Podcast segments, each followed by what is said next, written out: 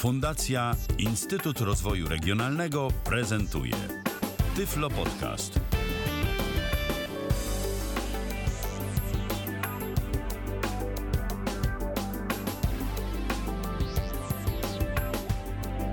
Dobry wieczór, witam w kolejnym odcinku Tyflo Podcastu. Ala Witek.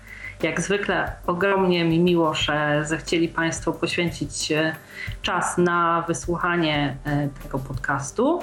A Państwa i moim gościem jest dziś Hanna Pasterny. Witaj Haniu. Cześć, dobry wieczór. E, z Hanią będę miała przyjemność e, porozmawiać o jej najnowszej książce Moje podróże w ciemno. Że i witam Cię bardzo serdecznie raz jeszcze. Dziękuję Ci, Alu, za zaproszenie. No i zapraszamy do wysłuchania naszej rozmowy. Mam nadzieję, że zachęcimy kogoś do podróżowania. Myślę, że zachęcimy i do podróżowania, a ja też ze swojej strony będę się starała zachęcić do przeczytania książki, która jest znakomita, jest e, pełna ciepła, pełna humoru, jest. E, e, zwracasz uwagę w niej na wiele takich detali, o których myślę warto wiedzieć, zanim zaczniemy podróżować samodzielnie, czy też z przewodnikiem, bo o podróżowaniu z przewodnikami też trochę jest treści w tej książce. E, ale to, co mi i e, Piotrowi, z którym razem też czytałam e, tą książkę, że tak powiem, najbardziej jakby najbardziej przekonało nas o wartości tej e, książki, jest e, taka e, ogromna doza zdrowego rozsądku, takiego mm, pragmatyzmu i właśnie, no powiedzmy, takiego umiaru, gdzie tutaj powinniśmy na co zwracać uwagę, przed czym ewentualnie się zabezpieczać i, i wszystkie tego typu kwestie które tutaj zaraz sobie mm, omówimy. Oczywiście nie będziemy opowiadać książki, ale będziemy opowiadać o książce. Gdyby Państwo e, mm, w świetle mm, rozpoczętych wakacji e, zamierzali wybrać się w podróż, czy to samodzielną, czy to z przewodnikiem e, i zechcieliby Państwo zadać e, Hani dziś e, jakieś pytania odnośnie jej książki, ale oczywiście też odnośnie jej podróży, to można to oczywiście zrobić na dwa sposoby. Po pierwsze poprzez komunikator Skype na tyflopodcast.net, a także pod stacjonarnym numerem telefonu 123 834 835. Zachęcam do mm, kontaktu, zapraszam i tutaj e, myślę, że możemy już przejść do meritum naszego dzisiejszego spotkania. E, chciałabym zapytać Cię na początek mm, o e, taką kwestię. Kiedy na początek y, może porozmawiamy o takich e, kwestiach jakby związanych z samą książką e, jako taką fizyczną. E, kiedy książka się ukazała, gdzie można ją nabyć i w jakich formatach jest dostępna? To znaczy chodzi mi o to, czy jest dostępna na przykład w jakimś formacie elektronicznym. Gdybyś tutaj czytelnikom na początek mogła odpowiedzi na takie pytania udzielić. Książka Moje podróże w ciemno ukazała się pod koniec października ubiegłego roku otrzymała patronat radiowej dwójki i rekomendacje podróżniczki Elżbiety Dzikowskiej. Wyszła w, w, zwykłym druku. Taki był zamysł, że nie będzie to audiobook, dlatego że ta książka ma trochę elementów edukacyjnych, poradnikowych. Jako audiobook raczej mam wrażenie sprawdzają się bardziej książki akcji, przygodowe, kryminały, które gdzieś tam trzymają w napięciu. A tu, no to trzeba by raczej zrobić notatki. Na razie nie ma też wersji elektronicznej, ale myślę, że bo mówiąc o audiobooku, miałam tutaj na myśli audiobooki komercyjne, które są powszechnie w sprzedaży. Natomiast wiem, że biblioteka na konwiktorskiej, która działa obecnie w ramach Ministerstwa Pracy, że oni czasami pytają czytelników, proszą o sugestie, co warto nagrać, czy co warto wy, wydać w Braille'u. E, osobiście jestem fanką Braille'a. Zdecydowanie wolę czytać Braille'em niż słuchać książek, więc może jeśli byłoby takie zapotrzebowanie, wyszłaby taka propozycja od czytelników, to myślę, że jest szansa na to, e, żeby ta książka wkrótce stała się dostępna także dla osób niewidomych i słabowidzących. Jasne. E, dziękuję Ci bardzo. To wracając do tej wersji e, typowej drukowanej, gdybyś była uprzejma jeszcze powiedzieć dla osób zainteresowanych, gdzie mogą ją nabyć. W księgarniach internetowych wiem, że w Gandalfie. E, co do MT. Przepraszam. Fizycznie na półce jej nie widziałam, natomiast jak kiedyś zapytałam, to pani powiedziała, że do dwóch, trzech dni ściągną w Warszawie w klubo kawiarni Życie jest fajne. To jest takie miejsce, które powstało w marcu. Pracują tam e, także osoby autystyczne. Warszawa Grujecka 68. Bardzo sympatyczne miejsce, e, ciepłe, klimatyczne. Zachęcam warszawiaków do odwiedzenia tej klubo kawiarni. Przy okazji można tam kupić moją książkę. Super, bardzo Ci dziękuję w takim razie. To jeśli e, te kwestie związane właśnie z formatem, z miejscami, w których można nabyć książkę, e, mamy już za sobą, to myślę, że możemy sobie e, teraz trochę porozmawiać o samym zamyśle Twoim w trakcie powstawania tej książki, a później o jej treści. Chciałabym Cię zapytać, co Cię skłoniło do napisania tej książki? Bo e, wiele jest różnego rodzaju magazynów podróżniczych, serwisów podróżniczych, e, w których roi się od najróżniejszych e, rad, w których e, na najróżniejsze pytania można znaleźć odpowiedź. Ludzie też na różnego rodzaju forach podróżniczych e, wymieniają się spostrzeżeniami na różne tematy e, Chciałabym zapytać, co Cię skłoniło do napisania tej książki e, i w kontekście poradniczym, i w takim e, kontekście czysto narracyjnym. Do napisania tej książki skłoniła mnie ciekawość świata i chęć podzielenia się nią. E, jestem osobą, która zadaje, zadaje dużo pytań i um, jestem też otwarta na to, co mówią inni i, i na ich pytania. Wielu znajomych zachęcało mnie, żebym opisała swoje podróże, a były, są takie fragmenty, które powstały mm, za sugestią wydawnictwa. Na przykład rozdział Przyjaciółka Blondyna o perypetiach związanych z Białą Laską. I to jest y, pod kątem osób widzących, które często pytają o różne rzeczy, jak sobie rodzimy my, osoby niewidome, z tym czy z tamtym. I drugi taki rozdział, Piękną być, on jest najmniej podróżniczy w całej książce, ale jest króciutki. E, to jest właśnie o wyglądzie, o tym, że warto zwracać uwagę na niego, że do podróży też odpowiednio się przygotować. E, na przykład, gdy nie ma żelazka, to staram się pakować takie ciuchy, które się nie gniotą za bardzo. E, Jasne. Żeby, to wyglądało jakoś, a nie jak z gardła wyjęte. Więc to jest mm, pisane typowo e, pod e, osoby widzące.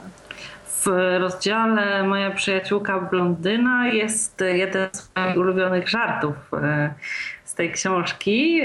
Jeśli dobrze pamiętam, chyba dotyczy, to znaczy autorstwa kolegów, kolegi twojego z pracy, kiedy oddawałaś laski do naprawy, ale tutaj nie będę, że tak powiem, E, jakoś e, bardzo wdawała się w szczegóły, bo tak jak mówię, nie chcę tutaj e, psuć przyjemności czytania, więc zachęcam. I też wiele jest właśnie takich ciekawych spostrzeżeń odnośnie chodzenia i podróżowania z białą laską. Przepraszam tutaj, że mm, muszę kontynuować odnośnie dzięki któremu książka powstała. E, bo mówisz, że część rozdziałów była, e, że tak powiem, zgodnie z sugestią wydawnictwa, e, a część była Twoimi odpowiedziami na pytania, które Ty sama sobie zadajesz i które zadawali Ci też ludzie, tak? Tak. planowałam napisać o Białej Lasce, ale gdy rodziła się koncepcja napisania tej książki, na początku nie wiedziałam, jak to będzie wyglądało. E, mój pierwszy pomysł to był, żeby te rozdziały były mm, środkami transportu, pociągi, samoloty i tak dalej. Ale potem stwierdziłam, że to by było zbyt nudne i za bardzo przewidywalne. E, też jest rozdział przygody z językiem o moich różnych wpadkach językowych. Jego pierwotnie nie było, ale potem zauważyłam, że te anegdoty językowe przebijają się przez różne rozdziały, więc je pozbierałam i e, dopisałam inne, e, na przykład taką, jak prawie wmówiłam dyrektorowi jednej z amerykańskich szkół, że w Polsce nie ma toalet E, a e, to tak się stało, że myślałam, że restroom, to have a rest po angielsku, odpoczywać, że to jest taki pokój do odpoczynku, do relaksacji. E, powiedziałam, że nie, w Polsce nie ma, absolutnie nie, nie mamy takich rzeczy, a okazało się, że restroom to jest toaleta. Więc dobrze, że się wyjaśniło. No i tak koledzy z pracy stwierdzili, że należy mi odebrać wizę amerykańską, bo robię Polsce czarny PR. No tak, to prawda, ale mm, takie y, myślę, Hmm. Nawet nie wiem, czy lapsusy językowe, po prostu e, no, tego typu jakieś zabawne sytuacje przydarzają się zawsze, mm, kiedy nie mówimy w języku i tak dalej, bo też tak naprawdę e, języki są żywe i trudno jest to ogarnąć e, nie posługując się danym językiem na co dzień, e, wszystkie jakieś neologizmy i tak dalej, kwestie, które powstają gdzieś na bieżąco albo które są jakimś zupełnie odrębnym nazewnictwem specyficznym dla jakichś regionów i tak dalej, i tak dalej, więc tutaj no może tam z tym czarnym PR-em to aż tak nie przesadzajmy, ale wyobrażam sobie zdumienie tego pana, kiedy dowiedział się, że nie ma, bo to o pracę chodziło, prawda, że w pracy nie ma toalet. Tak, tak. Mhm. E, chciałabym Cię zapytać o taką kwestię, bo mm, mówisz tutaj, że mm, chciałaś dać odpowiedzi na różne pytania e, i też e, ja tutaj czytając tą książkę też miałam wrażenie, że całkiem sporo opowiadasz o sobie. E, nie tylko o mm, tym podróżowaniu w kontekście osoby niewidomej, o planowaniu podróży, przepraszam, o jakimś organizowaniu sobie czasu przed podróżą i tak dalej, ale też sporo opowiadasz o swoim stosunku do świata, do innych ludzi, e, do ich zapatrywań na, na, pewne, na pewne kwestie, e, do tego, jak się odnoszą do ciebie w kontekście obsługi i tak dalej. Chciałabym zapytać, czy przez ten taki jakby wątek osobisty E, myślisz, że udało ci się mm, jakoś e, bardziej zbliżyć, bardziej te swoje historie uczynić autentycznymi dla czytającego je człowieka, e, niż gdyby były tylko samymi jakimiś, tak?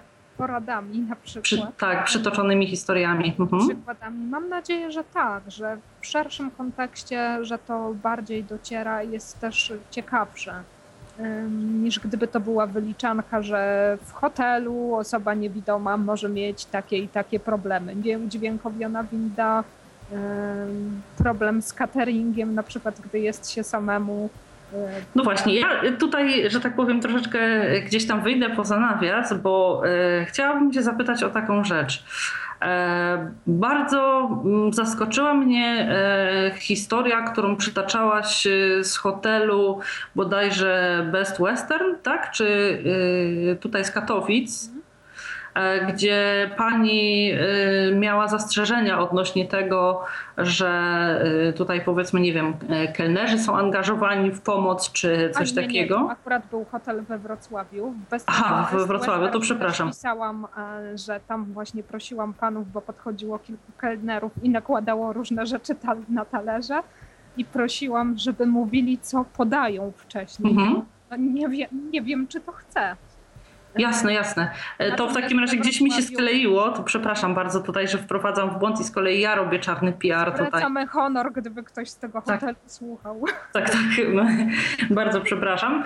E, chciałam cię zapytać, czy, bo mm, jakby wyraziłaś swoją opinię, że w kontekście tego, że byłaś organizatorem e, tej konferencji, która tam miała miejsce, uwaga była niestosowna i tak dalej, czy ten epizod miał jakiś ciąg dalszy, to znaczy, czy powiedzmy, nie wiem, ta pani została jakoś poinformowana, że to wy jesteście organizatorami, albo jej przełożeni, że w kontekście tego właśnie, że hotel obsługuje organizowaną przez was e, jakby imprezę, zachowała się niestosownie, czy, czy po prostu... Ta pani, wie, ta pani wiedziała, że jestem organizatorką, dlatego że z nią korespondowałam wcześniej. Aha, ojej, to tym bardziej niefajnie. E, natomiast e, nie, nikogo o tym nie informowałam. Jej powiedziałam, że oczywiście, że E, no, postaram się przychodzić z kimś, jeśli będzie taka możliwość, ale że w tej sytuacji uważam, e, że i prosiłabym, żeby w razie potrzeby ktoś mi pomógł, że no to jest duża grupa dla hotelu, e, duży, duży zysk. zysk. Więc nie, spokojnie rozmawiałyśmy. E, I myślisz, że udało ci się jakoś, e, powiedzmy, nie wiem, e, do tych jakichś zasobów empatii przemówić, czy jakoś. Akurat potem nie było już takiej sytuacji, że Aha. sama, bo już różnych ludzi Rozumiem. Więc. No tak, ale ja powiem, powiem szczerze, że byłam naprawdę ogromnie zaskoczona tą historią, dlatego że mm, i z własnego doświadczenia, i z doświadczenia innych osób, które gdzieś tam w pojedynkę zatrzymują się w hotelach, po prostu nigdy nie słyszałam, żeby w ogóle jakiekolwiek uwagi ktoś miał, żeby protestował albo żeby, e, nie wiem, jakoś e, czuł się dodatkowo obarczony e, obowiązkiem, że tam um, pomoże przy Pomoże, tak, bo to są takie rzeczy, że różnie ludzie pomagają przy tych szwedzkich stołach. Czasami, no ale o tym też porozmawiamy może później. To już e, to zostawmy w takim razie, ale w każdym bądź razie nigdy nie, e, właśnie nie spotkałam się z czymś takim, że ktoś otwarcie mówił, że e, osoba powinna przyjść tam z przewodnikiem czy coś takiego. No ja sobie nie wyobrażam, że nie wiem, na przykład osoba niewidoma, która we wszystkich sytuacjach jest w stanie sobie poradzić, kurczę, zabiera z sobą przewodnika gdzieś na jakąś konferencję, tylko po to, żeby tak, na śniadanie z nią chodzić no to jest jakiś absurd, więc tutaj no. Uważam. Myślę, że wystarczy ruszyć głową, a poza tym wydaje mi się, że no jak zwykle tutaj gdzieś chyba jakiś brak takiej elementarnej empatii, bo wystarczyło, żeby ta pani zamknęła oczy i po prostu wyobraziła sobie, no jak miałaby się obsłużyć przy tym stole. No dla mnie to po prostu porażka.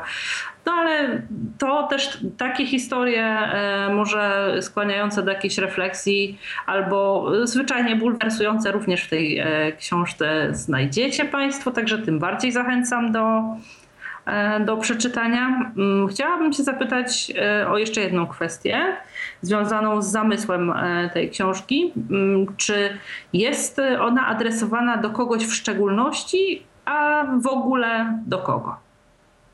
Do bardzo różnych grup. Myślę, że mogą z niej czerpać różni ludzie.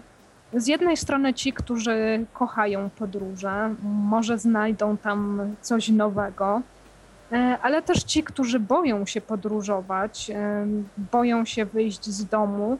I tutaj myślę nie tylko o osobach niepełnosprawnych, bo znam osoby pełnosprawne, mhm. które mają mnóstwo blokad, że na każdym kroku terrorysta, zamachowiec czyha i lepiej nie wychodzić. Czy też albo na przykład myślą, że nie dadzą sobie rady na lotnisku, albo gdzieś w hotelu, czy zwyczajnie z zorganizowaniem sobie, tak? Rezerwacji. Czy też, tak, czy też rodzice osób niepełnosprawnych często mają mhm. mnóstwo obaw, które przekazują bardziej lub mniej świadomie swoim dzieciom, niekiedy już dorosłym dzieciom. E, I myślę, że dla osób pełnosprawnych może to też być bodziec, że skoro osoba niepełnosprawna sobie poradziła, to kurczę, ja takich ograniczeń nie mam, to może też dam radę.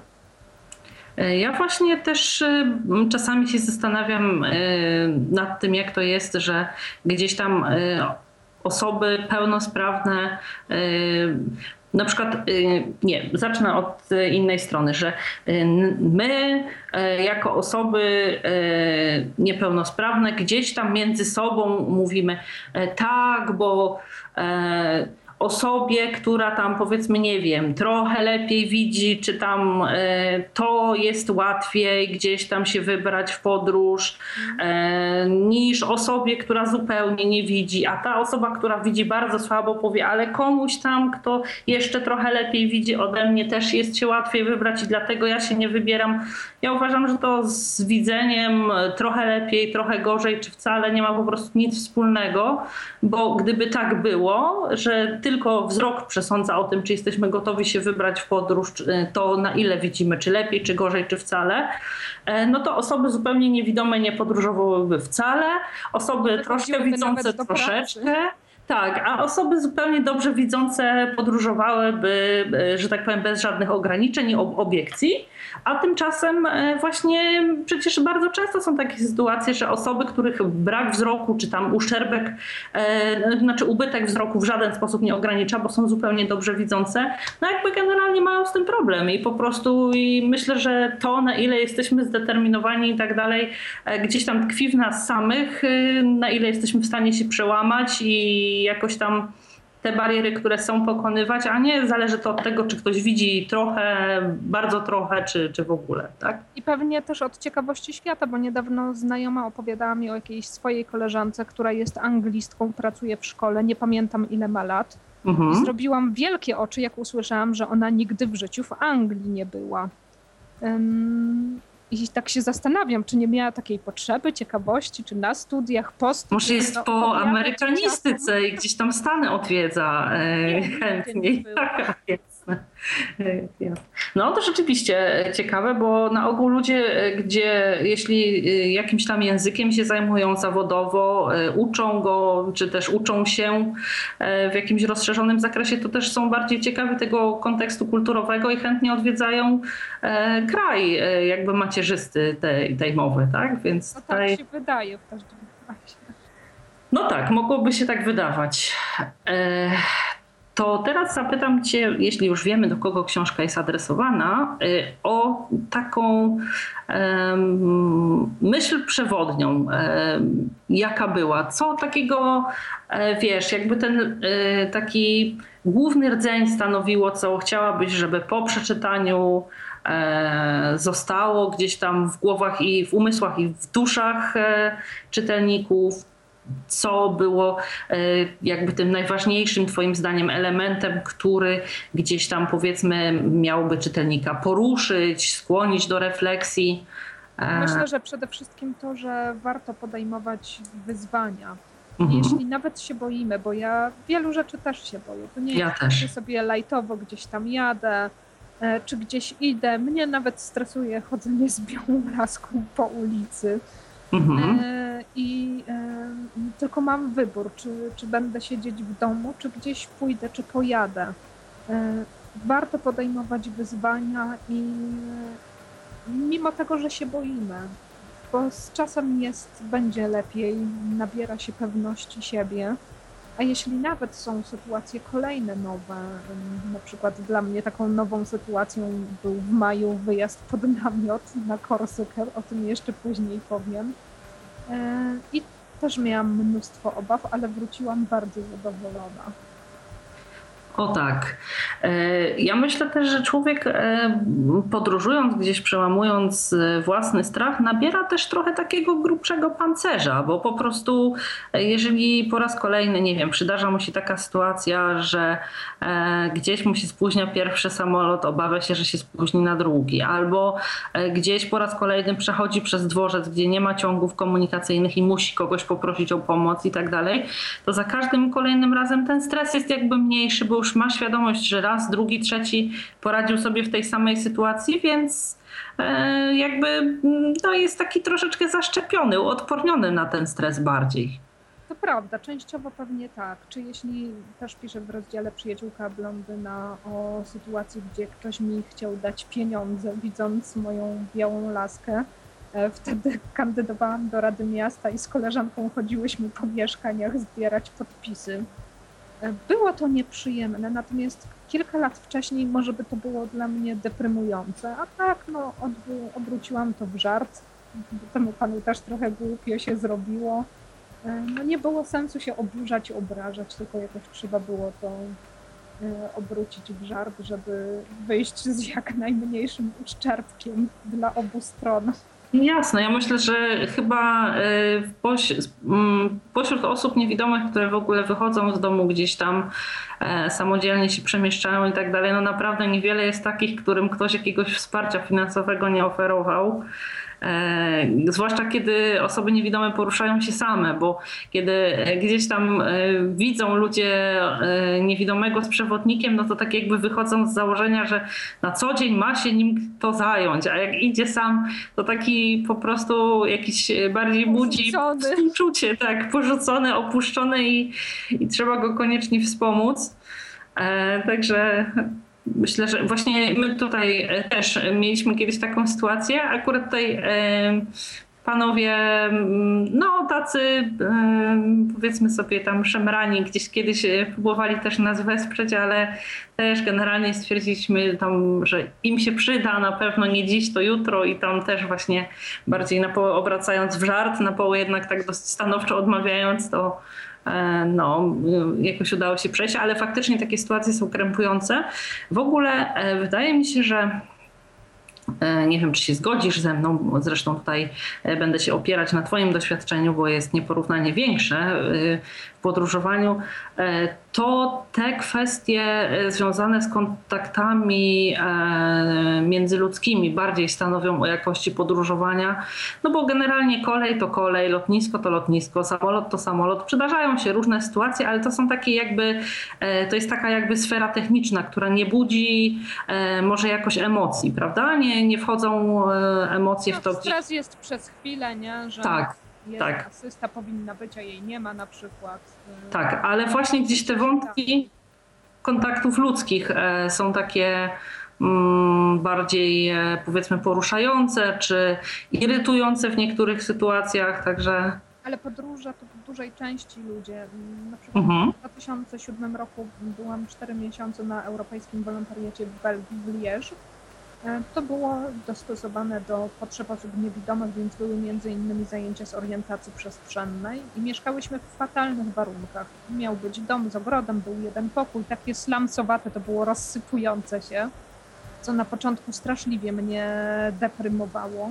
Mhm. Natomiast chętnie wracam do Belgii mimo wszystko. Pod koniec nawet już się przyzwyczaiłam do tego naszego slamsu E, dlatego że spotkałam tam wielu fantastycznych ludzi, nawiązałam mhm. przyjaźnie, które trwają do dziś e, i o Belgii myślę zawsze z sentymentem.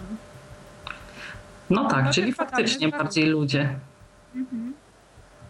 E, to zapytam Cię o kwestię taką, e, bo wspominałaś o tym, że w e, książce nie zdecydowałaś się na jakby ten format audio ze względu na jednak ten dosyć szeroki kontekst poradniczy. Mogliby ziewać słuchając. Tak, a poza tym mi się wydaje, że w takich książkach poradniczych często się do czegoś wraca. Tak. I w przypadku takiej drukowanej to jest troszeczkę łatwiejsze e, niż w przypadku audio, no bo gdzieś tam powiedzmy można sobie w przypadku drukowanej zaznaczyć stronę, sprawdzić, no a tutaj już w tym audio to po prostu leci i, i jest jako całość, tak? I trudniej jest jakiś konkretny fragment znaleźć, ale, ale y, chciałabym cię zapytać, y, czy mm, pisząc książkę bardziej stawiałaś na, na ten wątek właśnie poradniczy, czy jednak tutaj e, bardziej skupiałaś się na tej narracji, tak żeby opowiedzieć e, czytelnikowi ciekawą historię? Czyli czy była jakby. Tak?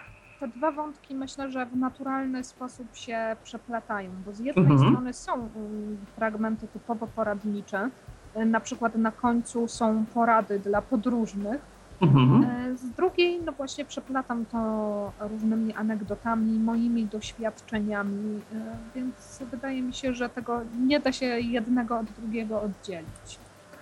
Czyli są porady, a przy okazji jest ciekawa historia i też jest ciekawa historia, w której zwracasz uwagę na e, pewne elementy, które czytelnik zamierzający wybrać się w podróż gdzieś tam powinien przynajmniej przemyśleć, tak? Może jeśli nie przyswoić. E, chciałabym Cię zapytać teraz mm, o taką kwestię. Czy mm, w kontekście tego wątku poradniczego uważasz, że po lekturze Twojej książki e, czytelnikowi mm, będącemu osobą niewidomą łatwiej będzie zdecydować się na samodzielną podróż? Czy to jakby no, przeczyta, może gdzieś w jakąś wiedzę go uzbroi, ale generalnie mm, decyzja jednak pozostaje gdzieś tam e, bardzo integralna dla, dla każdego człowieka? Pewnie jest kwestia indywidualna. Jeśli ktoś podróżuje, przeczyta, no, się pośmieje, może się nie pośmieje e, i pewnie dalej będzie podróżował. Jeśli ktoś boi się, ale ma w sobie chęć podróżowania, poznawania nowego, to mam nadzieję, że mu to pomoże. Natomiast zawsze znajdą się też takie osoby, które powiedzą, no tak, jej to się łatwo mówi, bo mieszka w mieście, bo nie widzi od urodzenia, to jest przyzwyczajona, bo ma pracę, zna język, a przecież nie trzeba za granicę wcale wyjeżdżać, można w Polsce. Jasne. Więc są osoby, które zawsze znajdą coś, żeby jednak nie pojechać i że ten, to, o czym ty mówiłaś, że słabowidzącemu jest lepiej niż niewidomemu, no to ktoś inny znajdzie inny argument. Mhm. E, czyli jednak kwestia osobnicza. A mm, chciałabym Cię zapytać e, o samo pisanie e, książki, jakby Twoje przemyślenia odnośnie samego jej powstawania. Co było dla ciebie takim największym wyzwaniem? Co może momentami gdzieś tam było dla ciebie jakoś zniechęcające, albo e, było takim jakby najtrudniejszym etapem do, do przejścia w trakcie pisania? A co było takie najbardziej inspirujące, co dodawało ci skrzydeł, gdzieś tam jednak sprawiało, że mm, podjęłaś ten trud, bo napisanie książki, zwłaszcza tak ciekawej, e, barwnej i też właśnie z tym takim rozbudowanym aspektem poradniczym, e, to jednak jest ciężka praca i to skrupulatnie trzeba gdzieś sobie tam przygotować. Wszystko trzeba oczywiście mieć odpowiedni warsztat. E... Potem negocjacje z redaktorem, szukanie ludzi, którzy coś przeczytają, skomentują. Ale najtrudniejsze w tej książce, a za, y, najtrudniejszy, a zarazem najbardziej inspirujący był dla mnie ostatni rozdział, korsykański zawrót głowy. Mhm. To jest jedyna podróż wirtualna. E, opisuję w niej, jak, e, jak językowo pomagałam rodzinie Polaka, który uległ poważnemu wypadkowi na Korsyce. Mhm. E, I to był kontakt telefoniczny, mailowy ze szpitalem, L4 dla pracodawcy, kwestie różne z ubezpieczycielem. Potem, gdy się wybudził ze śpiączki, to no, jakaś znalezienie pomysłu na komunikację. I wahałam się bardzo, czy ten rozdział powinien znaleźć się w książce. On jest najbardziej osobisty. Ja tam najwięcej piszę o moich odczuciach, frustracjach, ale też o tym, co mi pomagało. E, były to, byli to różni ludzie. No i na pewno wiara mi też pomogła. E, ale mm, i tutaj wydawcy czasem mówiłam, że nie, słuchaj, usuwamy go. W ogóle bardzo długo go pisałam. Tak na raty wracałam do pewnych rzeczy. Potem no to też była kwestia uzgodnienia właśnie z bohaterem tego rozdziału, czy się zgadza. Z panią doktor z Francji, jedną, którą na początku podałam z imienia i nazwiska, dlatego że no to potem tak pasowało dalej, że w pewnym momencie zaczynam myśleć o niej po imieniu. Ona też mi odpisała, nie, niech będzie pierwsza litera mojego mm, nazwiska. Napisała mi, jak chce się nazywać. Myślę, że takie rzeczy też są ważne. Co prawda nie wiem, czy ta książka kiedyś się ukaże po francusku, no ale wtedy można by taką osobę zidentyfikować. To raz, a dwa, że to, że pytałaś, dowodzi też y, Twojego szacunku dla tych osób, które gdzieś tam spotkałaś w trakcie mm, swoich podróży, czy to wirtualnych, czy zwykłych, mogłabyś nie pytać, ale myślę, że, że, że to dobrze, że jednak i też, e, bo szukałam osób, które przeczytałyby całą książkę, no czy ten, niektórym przysłałam tylko ten rozdział.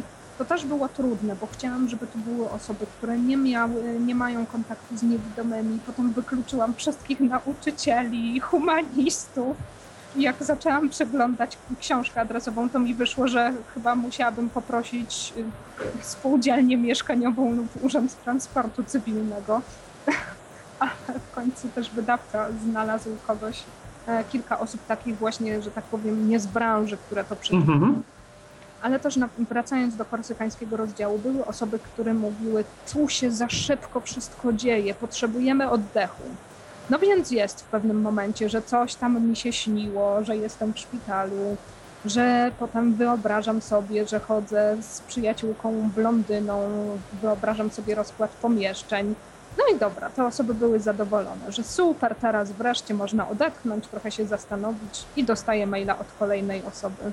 Wywal te spowalniacze, jak mnie to wkurza w ogóle, co to robi w tym rozdziale, to jest strasznie irytujące. Więc no trudne jest znalezienie złotego środka. Mhm. Ale też, tak jak mówiłam, to była jedyna podróż wirtualna i miałam silną potrzebę pojechać tam. Myślałam, że się uda jeszcze przed wydaniem książki, ale w zeszłym roku za późno się za to zabrałam. Chciałam znaleźć kilkuosobową ekipę, żeby pojechać samochodem, bo loty tam są dość drogie, Korsyka słabo skomunikowana, więc i tak trzeba by samochód wynająć. No i się nie udało, ale w kwietniu, tym razem zabrałam się w kwietniu, a nie w lipcu, nie tak w zeszłym roku. Też rozesłałam maila na różne strony, pytałam i odezwała się E, taka pani, z którą poznałam w zeszłym roku na konferencji, potem trochę współpracowałyśmy, ale nigdzie razem nigdy nie byłyśmy, nawet na spacerze. E, I Bianka pisze, słuchaj, jadę jako wsparcie techniczne na Korsykę dla ekipy kajakarzy, mam miejsce w samochodzie, zapraszam. E, ale właśnie trochę się bałam, jak to będzie spanie w namiocie na plaży, te różne kwestie techniczne, czy sobie poradzę, ale się przełamałam. Myślę sobie, kurczę, ta Korsyka od początku była taka szalona, w taki nietypowy sposób pojawiła się w moim życiu, więc widocznie tak ma być. E, I byliśmy w maju, e, równy miesiąc temu, 30 maja wróciłam. E, sporo zwiedzałyśmy, bo zostawiłyśmy naszych kajakarzy, a miałyśmy tydzień dla siebie. E, też był namiot, e, były noclegi u ludzi z Couchsurfingu. To jest taki portal, na którym można konto założyć i potem e, szukać osób w danej okolicy i za darmo u kogoś przenocować. Potem gości się kogoś u siebie. Mhm.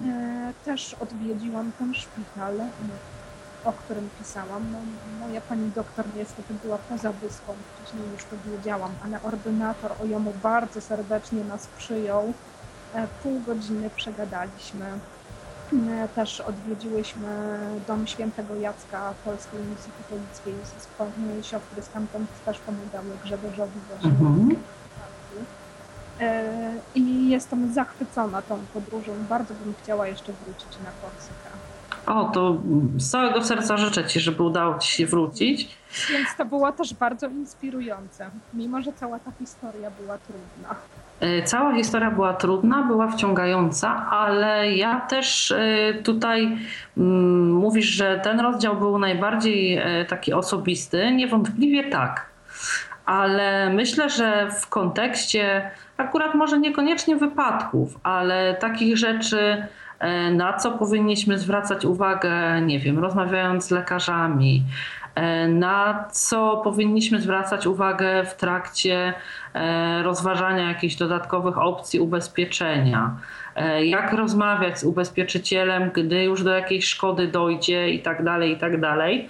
E, to jeśli odejdziemy od tego, tego wątku osobistego, e, tutaj ten, te kwestie takie poradnicze też wydają mi się bardzo sensowne i dodatkowo bardzo tak opisane, powiedzmy, zbornie, ale na tyle szczegółowo, że spokojnie mogą służyć za taką jakby jakby to określić, no tak, taką ścieżkę, tak, mniej więcej gdzie, w jakich sytuacjach, na co powinniśmy zwracać uwagę i właśnie E, jak ewentualnie dochodzić pewnych kwestii, bo e, tutaj przyprawy z ubezpieczycielami to też nie jest taka prosta sprawa, nie tylko podróżniczymi. Każdy, kto miał jakieś tam e, jakąkolwiek likwidację szkody, wie, że nieomalże po stronie gdzieś tam osoby poszkodowanej należy dowiedzenie tego, że na pewno nie z jego winy szkoda powstała, że jednak ta szkoda, która jest, wpisuje się w zakres, który ubezpieczenie obejmuje i tak dalej, i tak dalej.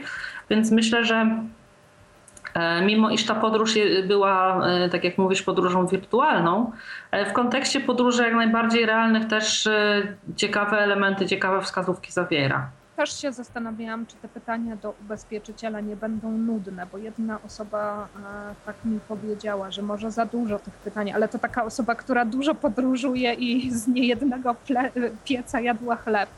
Ale inny mówił, nie, zostaw te pytania, to jest potrzebne w ogóle, gdy tak się wahałam, czy, czy ten rozdział ma być, czy nie, sprzeczne emocje, e, koleżanka niewidoma, która przeczytała ten tekst, mówi: Zostaw, bo to jest ten rozdział, świadczy o Twoich kompetencjach. I, i mówi: a mhm. może, a może na przykład zmniejszy lęk jakiegoś pracodawcy przed zatrudnianiem osób niewidomych. I zaskoczyła mnie tym, nie wiem, może to jest trochę takie myślenie naiwne, ale no może rzeczywiście, no w każdym razie po rozmowie z nią doszłam do wniosku, że okej, okay, nie usuwam tego rozdziału.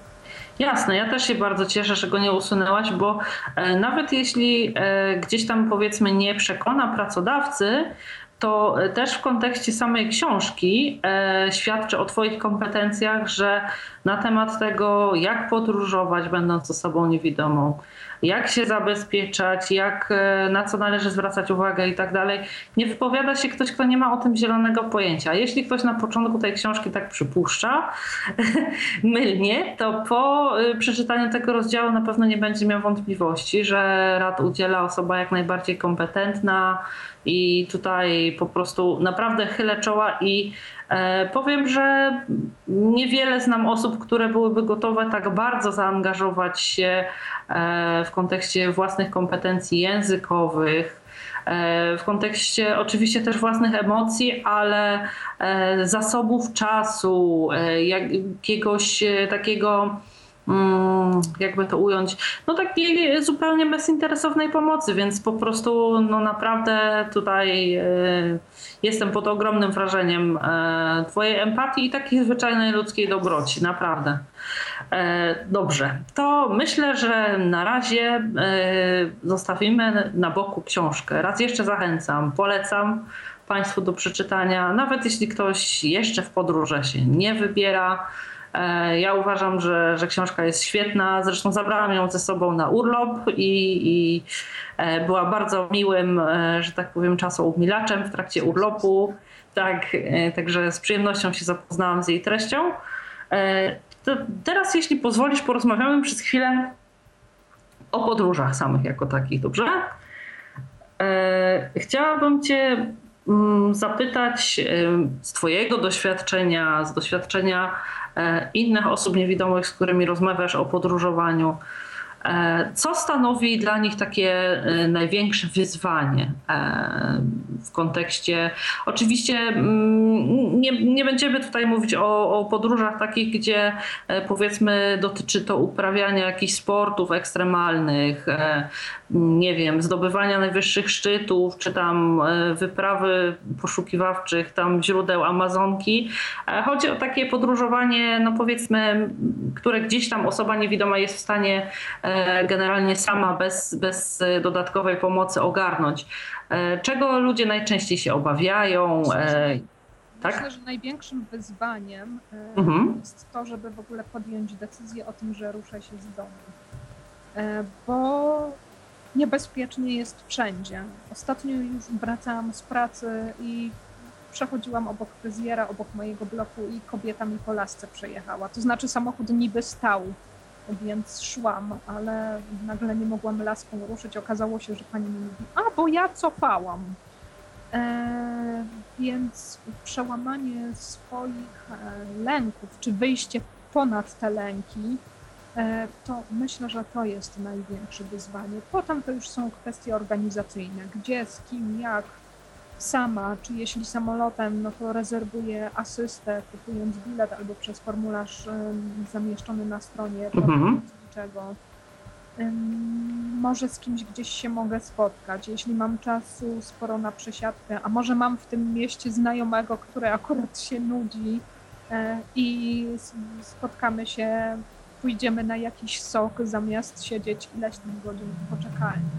Więc to już są kwestie drugorzędne, ale przełamać się. A czy myślisz, że dobrym pomysłem dla osoby początkującej byłoby e, takie jakby stopniowe zanurzanie się i oswajanie z tym podróżowaniem? Na takiej zasadzie, że e, na przykład jeśli jest to osoba ociemniała, to na pierwsze podróże wybiera miejsca, e, które dosyć dobrze pamięta jeszcze z czasów, kiedy mogła je zobaczyć. Czy ta percepcja jest na tyle różna, że to nie pomoże? Albo y, czy na przykład y, robimy takie trochę pół na pół na początek te podróże. To, co jesteśmy w stanie zorganizować, opracować sami, robimy sami, a gdzieś tam właśnie, czy to po, mm, przy jakichś przesiadkach, czy e, kwestiach związanych e, z podróżowaniem już po tym miejscu docelowym, e, próbujemy zaangażować osoby właśnie znajome, czy jakichś wolontariuszy, których mamy, albo na początek gdzieś tam powiedzmy takiego cichego, dyskretnego, rozsądnego przewodnika, który gdzieś tam trochę pozwoli nam samym, w sensie pozwoli, jakby nie wtrącając się, tak?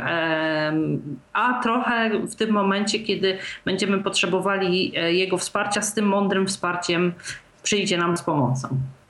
Tak, jasne. To jest oczywiście też kwestia indywidualna, ale e, myślę, że warto to sobie dozować, e, żeby, nie, żeby ta podróż nie była głównie stresem i frustracją, mhm. żeby mieć coś przyjemnego z tego. Jasne. Y, to mm, teraz y, chciałabym zapytać o taką kwestię, bo mm, jesteśmy wszyscy e, różni, każdy ma inne cechy osobowe, każdy ma e, inne jakieś przyzwyczajenia, mm, nawyki swoje i tak dalej. E, chciałabym Cię zapytać z punktu widzenia osób niewidomych, jakie nawyki czy umiejętności przepraszam, są e, najbardziej przydatne w podróży? Pewnie zaczniesz e, od językowych, ale. Za granicą słucham. językowe na pewno. No w Polsce mhm. niekoniecznie, chyba że tak, tak. spotkamy tak. kogoś, kto szuka Babelu na przykład w Krakowie, mhm. też mi się zdarzyło. Na pewno otwartość i pyta- zadawanie, umiejętność zadawania pytań i też proszenia o pomoc. Mhm. Nie, nie proszę o pomoc kogoś, kto się śpieszy. Jak ktoś gdzieś biegnie, słyszę, no to bez sensu zawracać mu głowę.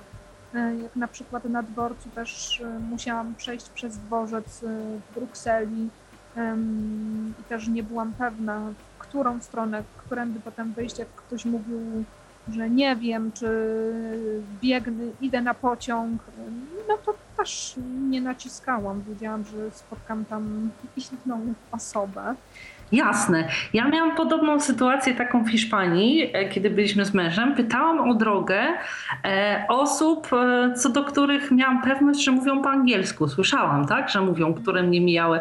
Bo po prostu ilekroć pytałam kogoś, kto mówił po hiszpańsku, rozmawiał, no to wiadomo, tak? Nie, nie dowiedziałam się niczego, bo ja po hiszpańsku nie mówię, a nikt tam z tych osób, które były hiszpańskojęzycznych po angielsku niestety nie mówił. Próbowaliśmy po niemiecku też nie, więc po prostu daliśmy sobie spokój i jakby pytaliśmy osób mówiących po angielsku, licząc na to, że już w tym miejscu były kiedyś, albo po prostu, że zwyczajnie się orientują, gdzie tak, te miejsca, o które pytamy są, więc Rzeczywiście to taka e, też e, właśnie e, chyba przydatna, myślę, że też cierpliwość jest taką dobrą cechą, że jakby nie zniechęcamy się, kiedy powiedzmy jedna czy druga osoba mówi nam, że nie wie, gdzie coś jest, albo że nie ma czasu, albo nie wiem, na przykład właśnie nie mówi w tym języku, w którym pytamy o drogę gdzieś tam za granicą, jeśli jesteśmy właśnie, żeby się jakoś tam nie zrażać po, po pierwszej próbie. Prawda, dlatego zawsze staram się też mieć zapas czasowy. Na przykład o, tak. byłam w Szkocji, w Glasgow i wracając wybrałam wcześniejszy autobus lotniskowy, bo wiedziałam, że zanim, okej, okay, autobus się zatrzymuje przy samym wejściu na lotnisko, ale E, znalezienie tego punktu, gdzie mogę o asystę poprosić już wcześniej zamówioną internetową. No to też ktoś się rozejrzy, ktoś na lotnisku, na lotnisko wpadnie w ostatniej chwili i mi powie, że nie ma czasu albo nic nie powie. E, więc po co mam się stresować, skoro mogę tam przyjechać pół godziny wcześniej na przykład. Jasne. E, myślę, że też e, istotną cechą jest e, zwyczajnie taka dobra organizacja. Oczywiście to nie dotyczy tylko osób niewidomych, ale jednak dla osób niewidomych jest też takim, mm, taka umiejętność planowania, uporządkowania sobie tego, co po kolei w tej, w tej podróży będziemy planować i tak dalej. Przepraszam, co będziemy gdzieś tam odwiedzać czy zwiedzać i tak dalej. Stanowi o tym, że mm, przez to, że jakby ta najbliższa przyszłość, troszeczkę dalsza, jest przez nas zaplanowana, jest dla nas przewidywalna, e, to też daje nam taki komfort, że powiedzmy jesteśmy w stanie sobie pewne rzeczy poukładać gdzieś tam w głowie, że e, w miarę wcześnie jakoś tam rozejrzeć się odnośnie środków komunikacji, którymi będziemy e, podróżować, w miarę wcześnie gdzieś sobie sprawdzić to, czy jakieś tam miejsca są dostępne dla nas, gdzieś kogoś rozpytać i tak dalej. Więc myślę, że taka e, umiejętność właśnie zorganizowania sobie wszystkiego, że to nie jest tak na chybcika i jakaś wielka improwizacja, albo jakoś tam będzie, e, później właśnie gdzieś tam e, frustracja wielka, bo nikt nie ma czasu, bo akurat gdzieś tam tu już okazuje się nagle, że informacji, które są nam potrzebne, nie uzyskamy, bo jest niedostępny, nie wiem, wiem, serwis, a tutaj zapomnieliśmy pobrać aplikacji czy jakichś danych, y, które w tej aplikacji powinny być wcześniej pobrane z internetu, a tu nie mamy dostępu, więc nie skorzystamy i to chyba też e, kwestia właśnie takiej dobrej organizacji jest to ważna. Prawda. Myślę, że wielu z nas jest do tego przyzwyczajonych, bo na przykład jest śnieg, to wiadomo, że do pracy wychodzę. Idzie się dłużej. Wcześniej, żeby mieć czas zabłądzić i się zgubić, więc mhm. to pewnie też potem wpływa, pomaga w lepszym zorganizowaniu podróży. E, I takie nastawienie też, że może się coś wydarzyć, że e, no niekoniecznie dotrę tam co do minuty, bo właśnie po drodze zapytam, czy ktoś pomyli prawą stronę z lewą. Mhm. Więc lepiej mieć tego czasu więcej. Jasne. E, to teraz zapytam o mm, postawę taką, jaką powinniśmy przyjmować. Oczywiście chodzi mi o tą postawę mentalną w kontekście właśnie podróżowania jako osoby niewidome, e, bo to też e, myślę, że jest ważna kwestia i taka mm, dobra do omówienia. Myślę, że tutaj różne postawy, jak i na co dzień, tak i w trakcie podróży osoby niewidome cechują. Są osoby, które są E, bardzo samodzielne, świetnie zorganizowane, przewidujące, e, inteligentne, komunikatywne i tak dalej, ale są też osoby, e, które są jakby niezorganizowane, wszystko odkładają na ostatnią chwilę. Gdzieś tam ludzi, których spotykają na swojej drodze, traktują tak, jakby byli tylko po to, żeby im wszystko ułatwiać, załatwiać i jakby w każdej możliwej chwili zwracać uwagę tylko na nich, więc więc takie postawy ocierające się o dosyć dużą roszczeniowość. E, chciałam Cię zapytać e, z Twoich doświadczeń, czy też tych e, doświadczeń, które wymieniasz z innymi osobami niewidomymi podróżującymi samodzielnie, jakie postawy tutaj jakby procentują najbardziej? Czy to jest taka. Mhm. Na pewno procentuje otwartość i komunikatywność, ale też mm, uważam, że nie należy pozwolić sobie mhm. to, by nas traktowano jak marionetki. Mhm. Na przykład asysta to jest ogromna pomoc. Korzystałam głównie na lotniskach do tej pory, na dworcu kolejowym dwa razy tylko.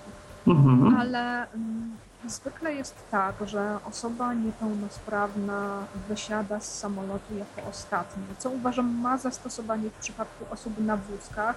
W przypadku innych niepełnosprawności nie widzę zastosowania. I też no, na przykład w środek nocy był, mówiłam, że znajomi na mnie czekają, że proszę mi pozwolić wyjść z pasażerami. Nie, bo jest ślisko, bo coś tam, mówię, kurczę, jest pół do drugiej w nocy, oni czekają. I no trochę już zaczęłam się z panią kłócić, ale i tak mnie nie wypuściła. Natomiast w kwietniu, gdy przyleciałam do Glasgow, siedziałam z dwiema sympatycznymi Czeszkami. Okazało się, że one tak jak ja mają tylko bagaż podręczny. E, I też śpieszyłam się potem na autobus, musiałam go skomunikować z kolejnym autobusem. I tu po prostu poinformowałam stewardessę, że wychodzę z tymi paniami. Ona trochę zaczęła panikować Mówię, proszę się nie obawiać, nie będzie pani miała żadnych kłopotów. To tylko mówię, żeby potem ktoś mnie nie szukał. Mówię, mam tu przesiadki. I no, a jeszcze była osoba na wózku wtedy w tym samym locie, więc wiedziałam, że znowu będzie czekanie. E, więc też dawka zdrowego rozsądku na pewno się przydaje. Jasne. Nie wiem, taki personel myśli. Może ktoś sobie wtedy myśli, że nie wiem, że no tu ktoś chce asystę, a tu coś wymyśla, czy, czy obcesowy jest, ale. Czy ja myślę, że. Naturalnie, natomiast poinformowałam panią, że wychodzę, baj. E, wiesz co, ja myślę, że tutaj jakby troszeczkę chyba działa nadmiernie wyobraźnia, bo kiedy ktoś z tego personelu pokładowego zaczyna sobie myśleć, że no bo wiadomo, jak idziesz rękawem, no to, to nie ma problemu, tak? No bo wiadomo, rękaw to rękaw i wchodzisz z jednej, wychodzisz z rękawem też mi pani powiedziała raz w Szkocji, że no i wychodzi pani na własną odpowiedzialność, tam może być niebezpiecznie, ale tam się hmm. nawet nie da zgubić, bo przecież trzeba iść tym wąziutkim korytarzem. No więc o to właśnie chodzi, e, natomiast ja, że tak powiem też jakby rozumiem obiekcje tych osób, które gdzieś tam nie wypuszczą e, osoby niewidomej na płytę lotniska, bo, no bo tak naprawdę też trudno jest im sobie wyobrazić, mnie w sumie też, jak e, osoba niewidoma bez asysty sobie po prostu na takiej płycie poradzi, tak? Z ludźmi sama nie zamierzam błądzić między Nie, nie, nie, ale wiesz, e, ludzie to... Jak to... chodzisz, wiesz, z innymi pasażerami, jest ich tam ponad setka co najmniej w danym samolocie, zawsze kogoś się można złapać. E, to znaczy tak, e, generalnie złapać się pewnie można, tylko że e, na ogół z tymi pasażerami, którzy wychodzą, to jest tak, że no przynajmniej z moich doświadczeń tak wynika, że oni po prostu idą dosyć szybko. Oni e, gdzieś tam nie oglądają się, nie czekają, żeby kogoś tam brać, prowadzić. Pewnie, że jak się kogoś poprosi, jedną, drugą, trzecią osobę, to ktoś tam się zgodzi przeprowadzić, czy do autobusu, czy stricte do, do budynku już, tak? Ale gdzieś tam e, mi się wydaje, że ten personel po prostu się obawia tego, żeby, bo tam jeżdżą te wózki e, z bagażami, jeżdżą autobusy, jeżdżą jakieś tam wózki techniczne, te serwisowe, które gdzieś tam e, obsługa techniczna naprawia samoloty i tak dalej, czy tam przegląda i tak dalej. E, ja przypuszczam, że te stewardessy, one się najzwyczajniej w świecie obawiają, że wiesz, ktoś e, nie znajdzie się tam na dole osoba, która będzie chciała wziąć cię za rękę albo żeby ty mogła, żeby wiesz, gdzieś tam podprowadzić cię właśnie, tylko że zaczniesz chodzić sama po płycie i to się skończy nieszczęściem, no nie? I Ale chyba... trzeba też być czujnym, bo w Belgii mi się zdarzyło właśnie, że asysta nie przyszła, więc mhm. dobrze, że upolowałam jakichś ostatnich pasażerów, że zaczęłam wychodzić z kimś na zewnątrz też nie było i potem też ktoś z pasażerów pomagał mi znaleźć, złapać bagaż z taśmy bagażowej i nikt się nie zjawił do końca, do wyjścia. Fajnie, że powiedziałaś o tym, że trzeba być czujnym, bo mi się też e, właśnie nasunęła na początku taka myśl, gdzieś tam później e, rozmyła mi się przez, przez te panie właśnie, które tam obawiają się tak bardzo i wyobraźnia im rzeczywiście pracuje, e, nie chcą wypuszczać osób niewidomych. Myślę, że taką jedną z najważniejszych rzeczy, poza tym, że jesteśmy komunikatywnie otwarci i też umiemy stawiać odpowiednio granice, jest coś takiego, że najzwyczajniej w świecie zwracamy uwagę na to, co się dookoła nas dzieje, że e, to nie jest tak, że gdzieś tam, e, ponieważ jeszcze wiemy, że będzie wysiadało 200 osób z samolotu, to e, słuchamy sobie książki i później asysta nie przyjdzie, wszyscy już wysiedli i właściwie kto ma nas teraz odprowadzić? Pilot, tak? Po prostu tak samo też nie siedzimy na lotnisku i nie wiem, nie zajmujemy się tam e, do ostatniej chwili e, właśnie słuchaniem czy tam e, pisaniem czegoś i tak dalej, tylko sprawdzamy co jakiś czas gdzieś tam zegarek, kiedy już jest ta pora odlotu. Jak, jak słyszę komunikaty, to wyjmuję jedną słuchawkę z ucha co najmniej i słucham, bo też na przykład była raz zbijana bramki, a nikt nie przyszedł. No właśnie, ja miałam taką sytuację kiedyś bardzo stresującą w Warszawie, kiedy mieliśmy spóźniony samolot, co prawda już tylko do Katowic, ale jednak też trochę mm, E, pani asystentki powiedziały, że przyjdą po nas e, w momencie, kiedy e, będzie samolot się tam, kiedy będzie rozpoczęty boarding i po prostu wtedy wsiądziemy. I ja chyba jednak wolałabym, żeby asysty e, u nas też miały taki dobry nawyk mówienia e, nie, że przyjdą jak będzie boarding, tylko przyjdą za ileś tam. Przyjdą za pół godziny, przyjdą za 20 minut. Nawet jeśli tego boardingu nie ma za, za te pół godziny czy 20 to ta osoba Przychodzi... się zjawia, mówi jestem, pamiętam, mamy obsługę na przykład. Że my tutaj właśnie siedzieliśmy prawie godzinę i się zastanawialiśmy, czy już ten samolot bez nas odleciał, czy po prostu zapomniała ta asysta, czy, czy cokolwiek innego.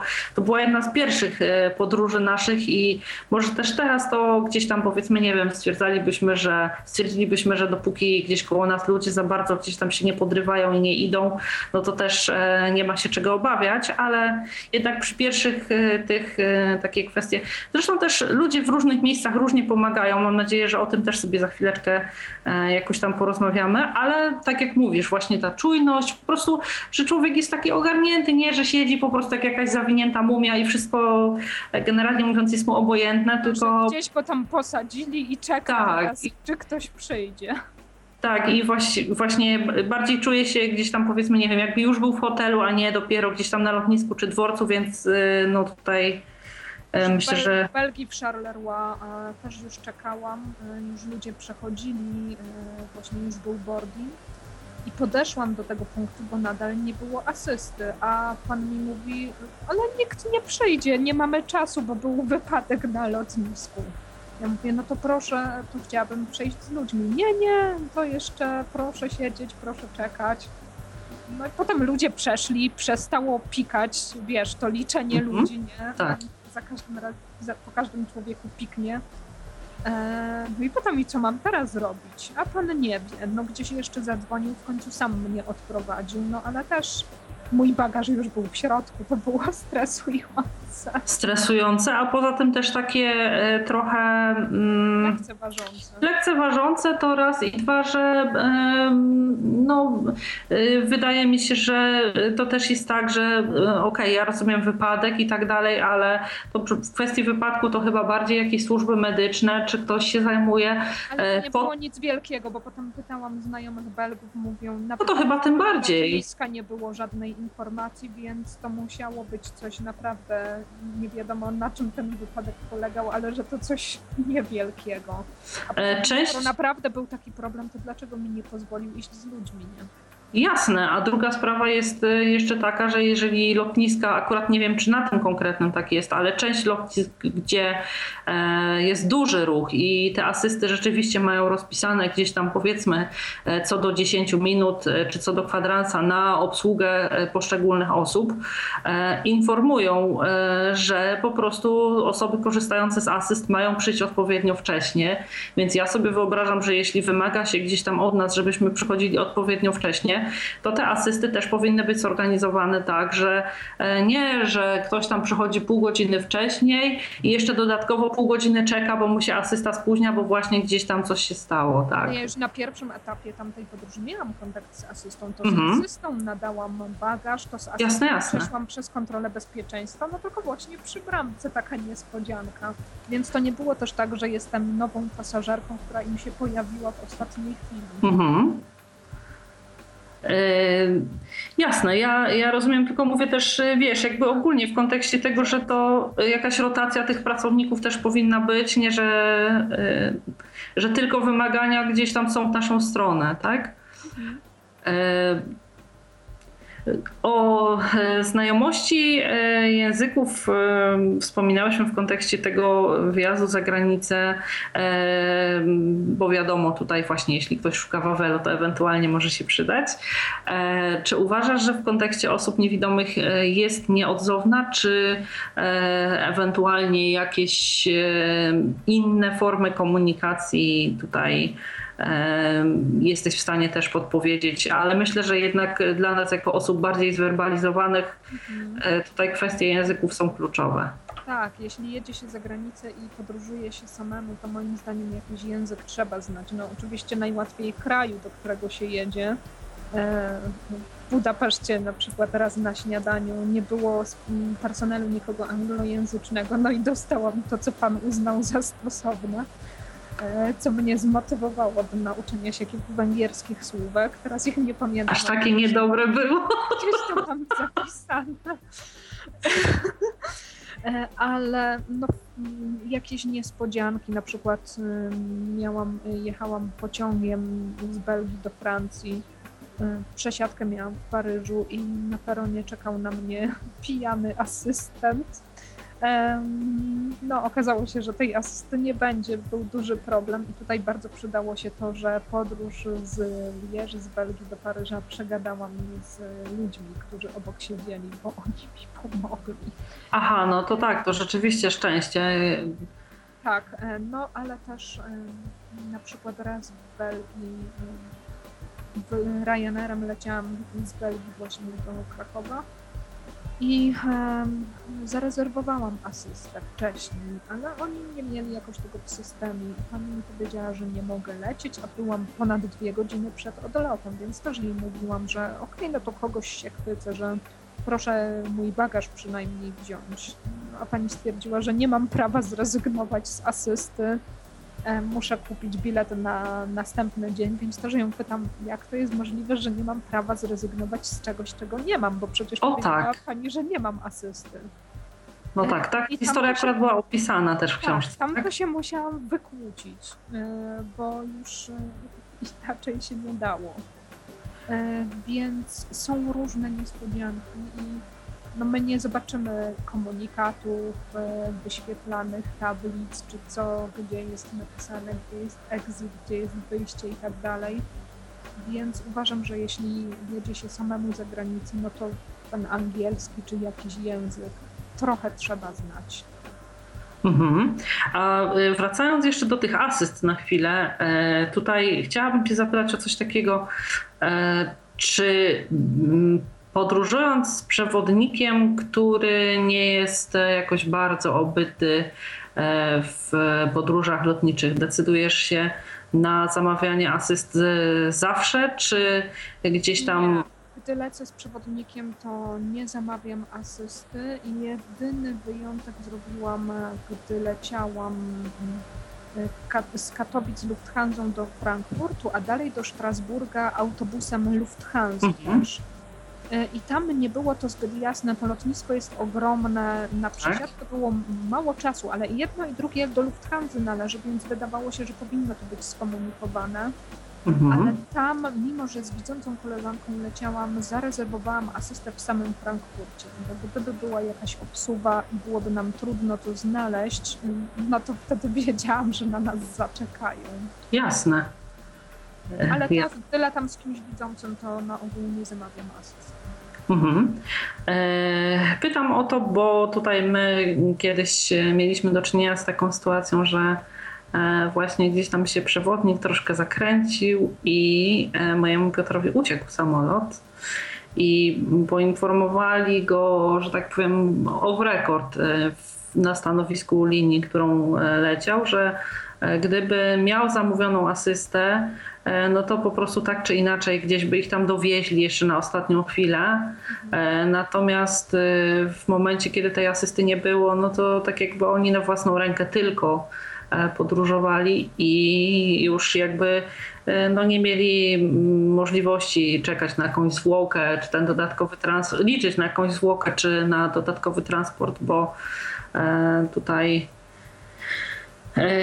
no już jakby w żaden sposób ani te służby lotniskowe, ani sama linia nie czuła się zobligowana do tego, że e, tutaj jakąś dodatkową troską ich otoczyć. Także e, pytałam w tym kontekście o, o Twoje doświadczenia.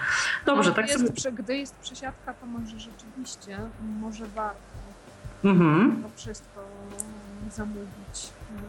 Też wyleciałam do Aten z koleżanką przez Frankfurt, bagaż nam zaginął Yy,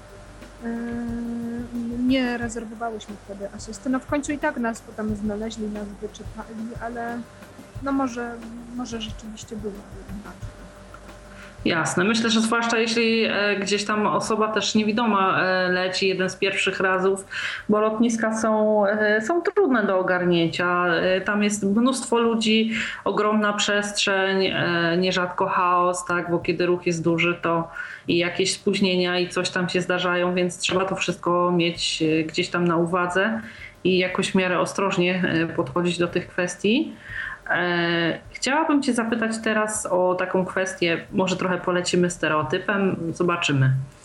E, jak e, z Twoich doświadczeń wynika, czy są takie miejsca, które ze względu na podejście ludzi, infrastrukturę, standardy obsługi osób niepełnosprawnych, E, jesteś w stanie polecić, no, odnosząc się trochę do książki w ciemno, e, nawet początkującym podróżnikom niewidomym, gdzieś planującym własne podróże. Za granicą, za granicą, tak? tak? To jest trudne pytanie. No wydaje mi się, że w Europie Zachodniej te standardy są już podobne. Ale na przykład w Berlinie, gdy byłam, jechałam podmiejskim pociągiem, tam pan sam do mnie podszedł, y, zapytał, czy będę potrzebowała pomocy przy wysiadaniu, powiedział mi, który, którą stronę drzwi, którą toaleta. E, no, takie to było e, miłe, ale no, wiele zależy od ludzi. I na przykład, tak jak mówiłam, bałam się tego wyjazdu na Korsykę, jak to będzie technicznie. E, też nie jestem za bardzo fanką namiotu. Nie tam zawsze duszno, jakoś nie do końca wygodnie. Mhm. A miałam świetną towarzyszkę, spotykałyśmy bardzo ciekawych ludzi, no i było super. Też jeśli chodzi o coach surfing, e, kiedyś w pochodni, teraz obecnym półmiesięczniku pochodnia, Monika Zarczuk chyba pisała o swoim mhm. surfingu, że była gdzieś sama no, ja tak nie znając ludzi, y, ja bym się na to nie zdecydowała. Oczywiście wtedy trzeba by było poinformować, że, że jestem niewidoma. Teraz mhm. mieszkałyśmy, nocowałyśmy u trzech osób z couchsurfingu. Nie pisałam wcześniej, że nie widzę, no bo uznałam, że nie ma takiej potrzeby, nie jestem sama. Jasne. Ale um, kontakty kontaktami, natomiast są bardzo różne niespodzianki. Na przykład, no wszyscy ci ludzie, o których nocowałyśmy, super, ale okazało się, że w tych dwóch pierwszych mieszkaniach no, bałagan i brud straszliwy. W jednym to koleżanka mi nawet powiedziała, słuchaj, tu się nie da wziąć prysznica, w poprzednim dało się wannę doszorować, mówi, tu się nie da, jest taki syf, że nie wchodzimy. W trzecim miejscu nocowałyśmy, w domku dla gości było Wi-Fi, bo pan był informatykiem, ale okazało się, że nie ma toalety. E, I pisząc do ludzi z couchsurfingu, nie wpadłam na to, żeby pytać, masz w domu toaletę? Bo jakby ktoś mnie zapytał z Europy, to, to trochę dziwne by mi się to wydało. To znaczy teraz już nie, podróże kształcą. No tak. E, więc no to, że jest nowe miejsce do oswojenia e, i tak dalej, że może nawet gdyby ktoś wcześniej wiedział, że osoba niewidoma, to wielu ludzi jest otwartych, może im by to nie przeszkadzało. Natomiast ja bym się czuła jednak niekomfortowo i niepewnie, mieszkając sama u kogoś z couchsurfingu, kogoś zupełnie obcego. Aha. Miałam mówić, co polecam, a teraz powiedziałam, czego nie polecam.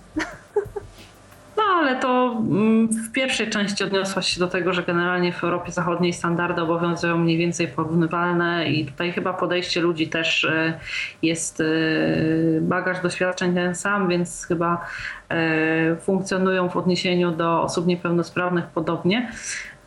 A mm, tutaj zapytam Cię mm, o doświadczenia francuskie. E, posłużę się doświadczeniami mojego Piotra, który e, kiedy próbował w towarzystwie przewodnika swojego e, jakoś tam rozmawiać z Francuzami po angielsku, nie rozumieli go, nie, nie odpowiadali, odpowiadali po francusku. Natomiast kiedy szedł gdzieś sam i spotykał ludzi tam idąc białą laską i tak dalej, nagle okazywało się, że Francuzi jednak mówią po angielsku. Czy masz podobne doświadczenia?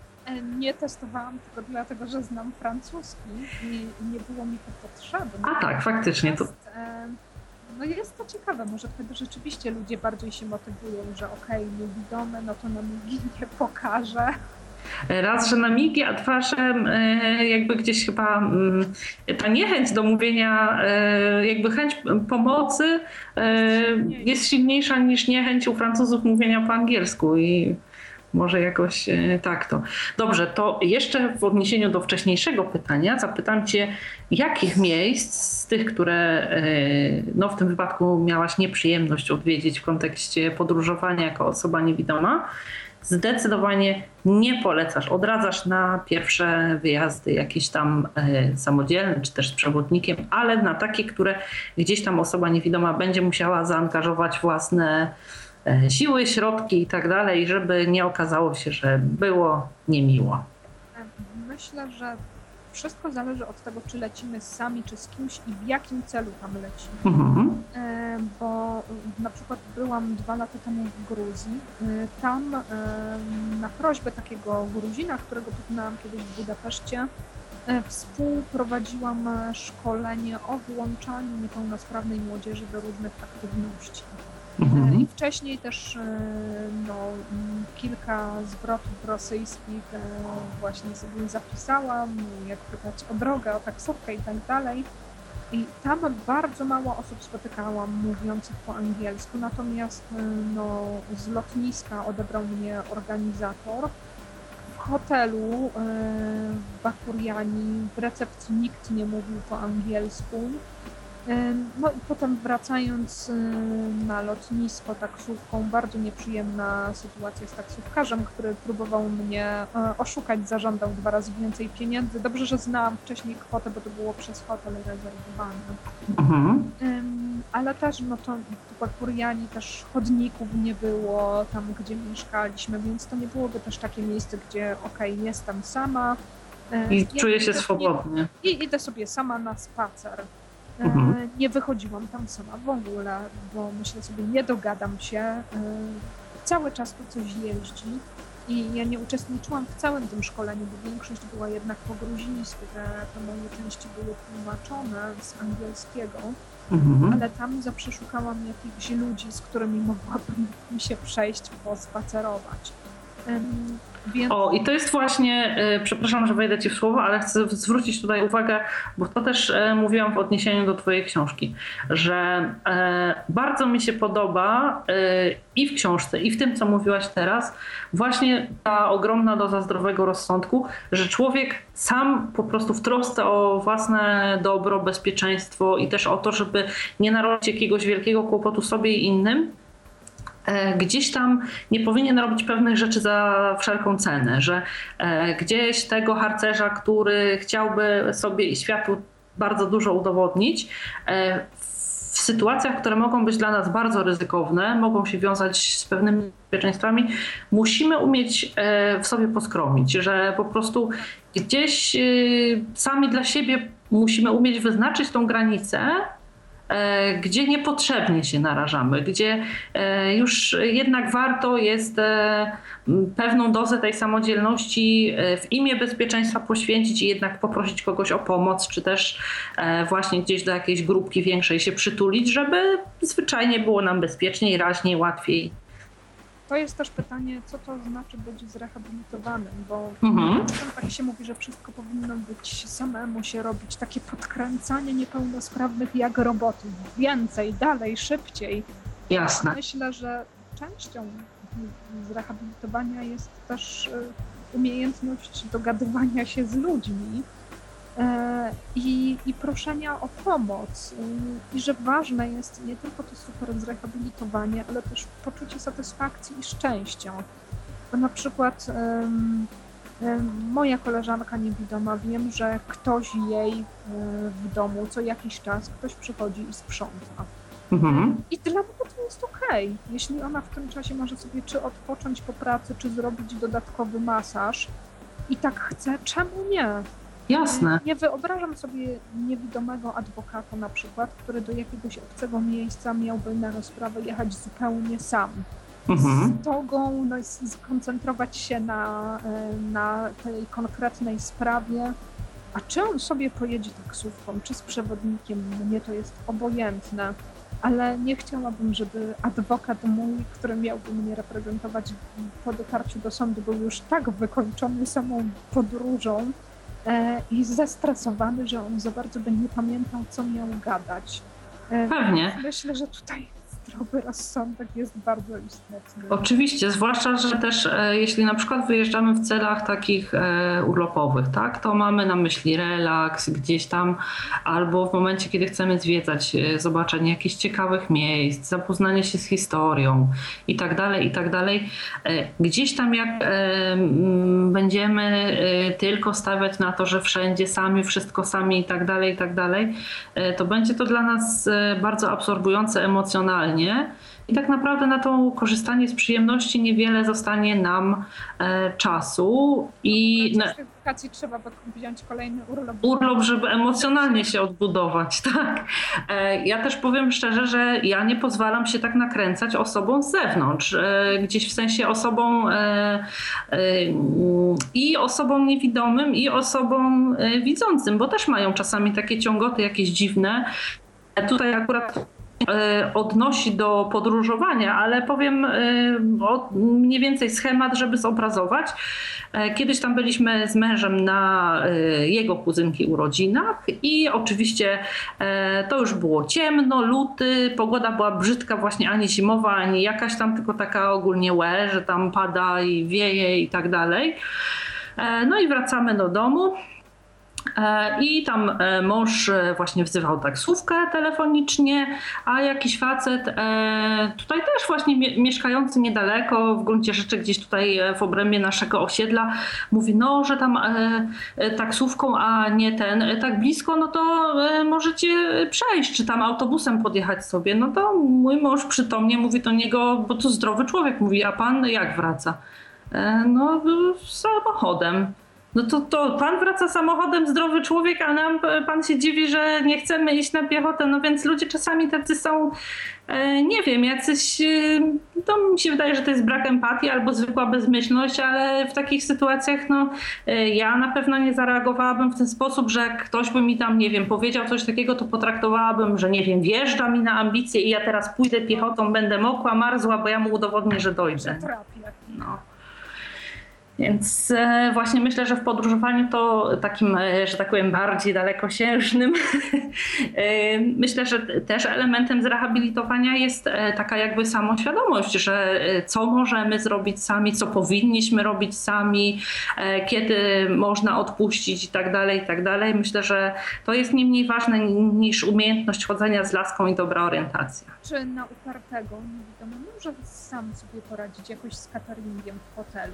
Mhm. Sorry, no gdybym ja, będąc osobą widzącą, widziała, że ktoś mi tam wkłada łapy do jakiegoś półmiska, to ja bym już z tego nie jadła. O tak, ja pamiętam kiedyś na szkolnej wymianie właśnie e, w takiej bazie amerykańskiej byliśmy i tam e, też właśnie mm, był e, szwedzki stół i po prostu generalnie jedna po drugiej osoba gdzieś tam, zanim ktoś e, z e, tej naszej kadry, gdzieś tam wychowawców czy e, nauczycieli, którzy byli z nami, po prostu mm, gdzieś tam zorganizował to na tej zasadzie, że tam każdy sobie z talerzem i tak dalej, i tak dalej, że pomagali po prostu nakładać poszczególne rzeczy.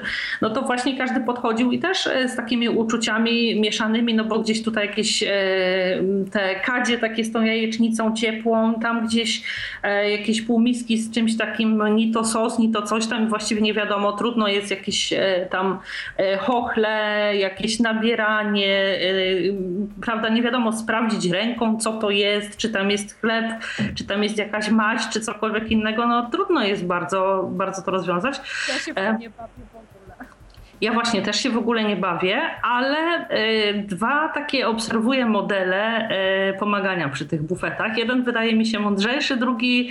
Y, jakby to powiedzieć, bardziej angażujący obie strony i w skutkach gorszy, bo jeden model, który ja osobiście preferuję, to jest taki, że E, ja sobie po prostu biorę swój talerz, czy tam Piotr swój, jak jesteśmy gdzieś razem i prosimy po prostu kogoś, żeby z nami szedł, mówił co jest i ewentualnie my mówimy, czy ma nam nałożyć i ile i tylko poprosimy o przyniesienie e, jakichś napoi, żeby wiadomo, nikim się nie zderzyć i, i tak dalej. I on mi się wydaje ten model o tyle rozsądniejszy i taki lepszy. Po pierwsze, dlatego, że świadczy lepiej o nas, że nie jesteśmy osobami, które siądą i będą czekały, aż nam przyniosą. A po drugie, jest też optymalnie y, taki, znaczy bardziej zoptymalizowany, jeśli chodzi o czas. Bo tak, w tym drugim modelu ktoś do nas podchodzi i mówi: Mamy to, to i to, a jeszcze podejdę sprawdzić, bo zapomniałam, co tam jeszcze jest. Tak, takie latanie. Tak. Słuchaj, jeszcze jest salami. No właśnie. I później pyta nas z kolei, co my chcemy. My już oczywiście też połowy nie pamiętamy, więc mówimy, a co tam jeszcze było? E, ten ktoś idzie, znowu mówi i to tak jest po prostu historia bez końca, bo jak już my to zamówienie złożymy, to on już połowy nie pamięta, co chcieliśmy. Wraca do stolika i tak pyta. I to jest takie bezsensowne, że ja najczęściej w miejscach takich, w których jestem kolejny raz albo po prostu kilka razy z rzędu, e, to pierwszego dnia sobie ustalam jakby takie żelazne menu i tej osobie tak długo powtarzam przez kolejne dni, aż zapamięta, bo po prostu szkoda mi czasu, jej zaangażowania jakby i tego, żeby ją gonić, ale jakby ten pierwszy model wydaje mi się lepszy jednak. To prawda, chociaż to też zależy od sytuacji, bo na przykład kiedyś już nie pamiętam w jakim hotelu e, był straszny tłok na stołówce, mhm. właśnie w restauracji hotelowej i wreszcie koleżanka wypatrzyła jakieś miejsce, mówi, ty tu siadaj, pilnuj, a ja tak będę chodzić, bo za chwilę będziemy jeść na stojąco, a nie było takich wysokich stolików. E, więc no wtedy to się sprawdziło, nie? Tak, to myśmy mieli też taką sytuację identyczną właśnie e, w Hiszpanii w hotelu, gdzie było bardzo dużo ludzi i już na stolik sam trzeba było czekać chwilę, więc jak już się go doczekaliśmy, no to nie chcieliśmy zwalniać, e, więc Akurat wtedy byliśmy oboje z przewodnikiem, więc Piotr siedział i pilnował, a e, my tam z przewodniczką jakby organizowałyśmy te, te, te posiłki dla, dla nastrojga. E, więc to, to, to rzeczywiście takie, takie właśnie e, klimaty są. Chciałabym Cię zapytać, bo jak już tutaj to o tych, tak zaczęłyśmy kwestiach związanych z obsługą stołów i przewodnikami, to zapytam Cię o taką kwestię. Czy Twoim zdaniem osobie niewidomej, powiedzmy już nie takiej początkującej, lekko już z takim, wiesz, troszeczkę grubszym pancerzem, która gdzieś tam e, językowo sobie radzi e, w miarę dobrze i już w paru miejscach była, może nawet niezbyt zróżnicowanych, ale tak ogólnie wie o co biega, tak? Jak sobie zorganizować jakieś tam asysty, gdzieś tam powiedzmy, jak to wygląda w podróży, czego się można spodziewać na lotniskach, w samolotach, na dworcach i tak dalej. Czy uważasz, że e, choćby przewodnik był, no powiedzmy sobie średnio ogarnięty, to zawsze lepiej jest podróżować z przewodnikiem, czy jednak czasami lepiej jest się zdecydować e, na podróż samemu i korzystać z pomocy osób, które spotykamy gdzieś tam na bieżąco, na czym zwyczajnie, perfidnie wyjdziemy lepiej. E, myślę, że zazwyczaj łatwiej jest podróżować z przewodnikiem i ciekawiej. On może opowiedzieć o czymś, e, czy wejdziemy jeszcze do lotniskowego sklepu. No, jeśli pociąg się spóźnia, to gdzieś tam jeszcze sobie połazimy.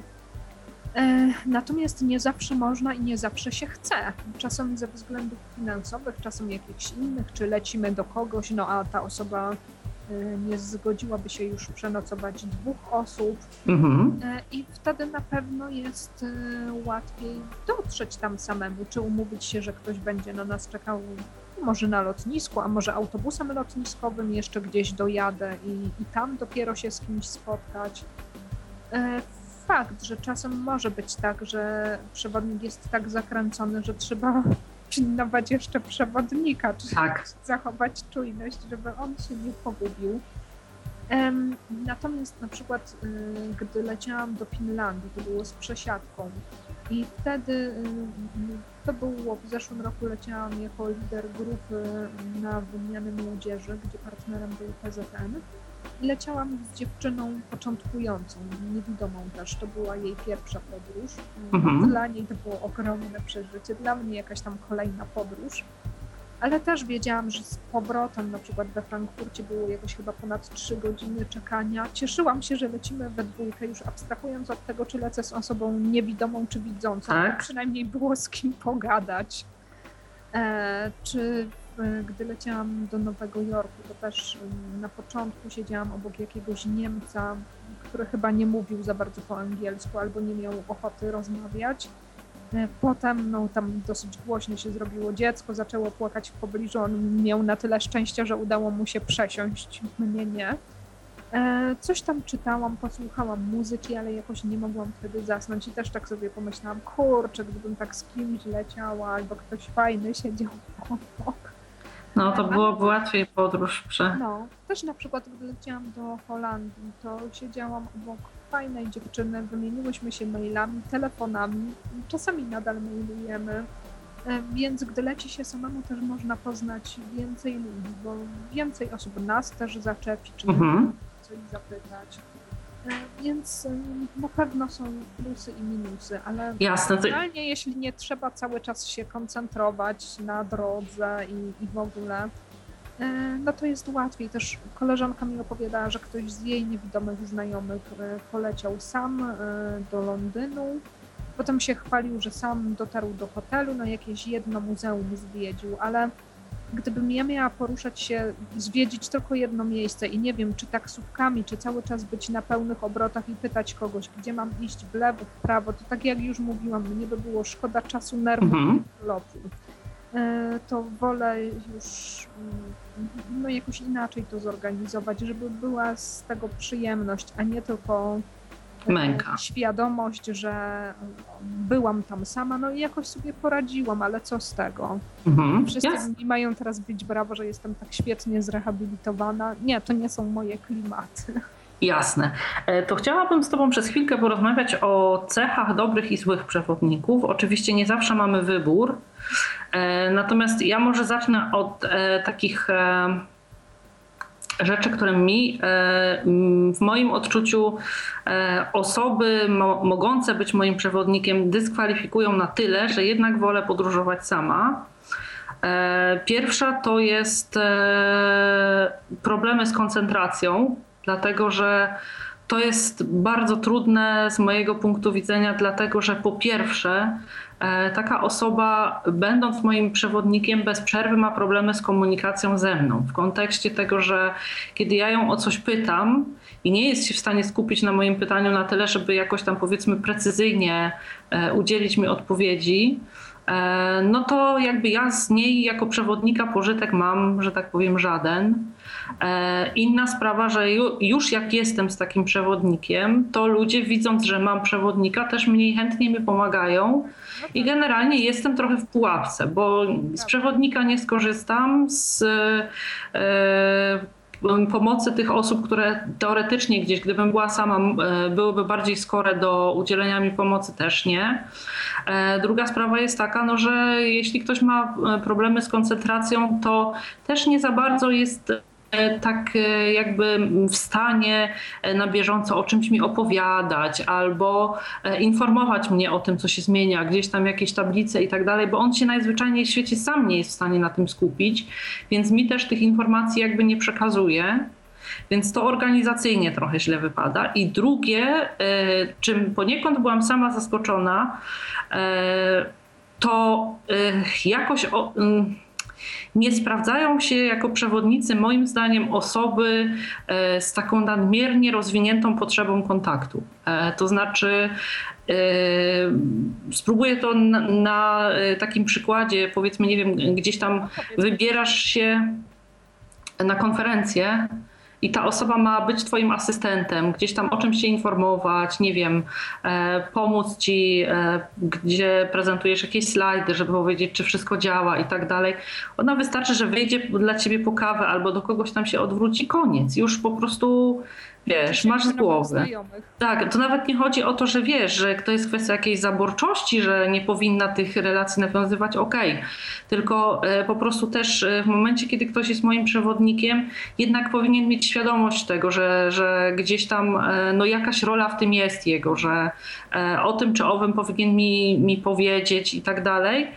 E, więc e, takie osoby, które gdzieś wszędzie, z każdym, gdzieś tam po prostu e, idziesz osobą no, nie, nie opowie ci powiedzmy, nie wiem, o wystroju czegoś tam, o y, funkcjach jakichś tam urządzeń, które oglądasz, czy cokolwiek innego, bo bez przerwy jest pochłonięta rozmową gdzieś tam z kimś z reszty, wycieczki i tak dalej.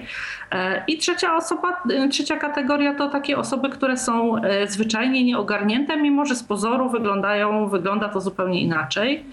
Ja e, byłam zaskoczona sytuacją, kiedy osoba, która mówiła o sobie i też nie miałam jakby powodów, żeby w to wątpić, że gdzieś tam zjechała pół świata, włącznie z jakimiś krajami azjatyckimi i tak dalej, i tak dalej, nie była w stanie znaleźć wejścia do kościoła zupełnie dobrze widząca osoba. Po prostu i to najlepsze było to, że to nie był jeden kościół, tylko dwa.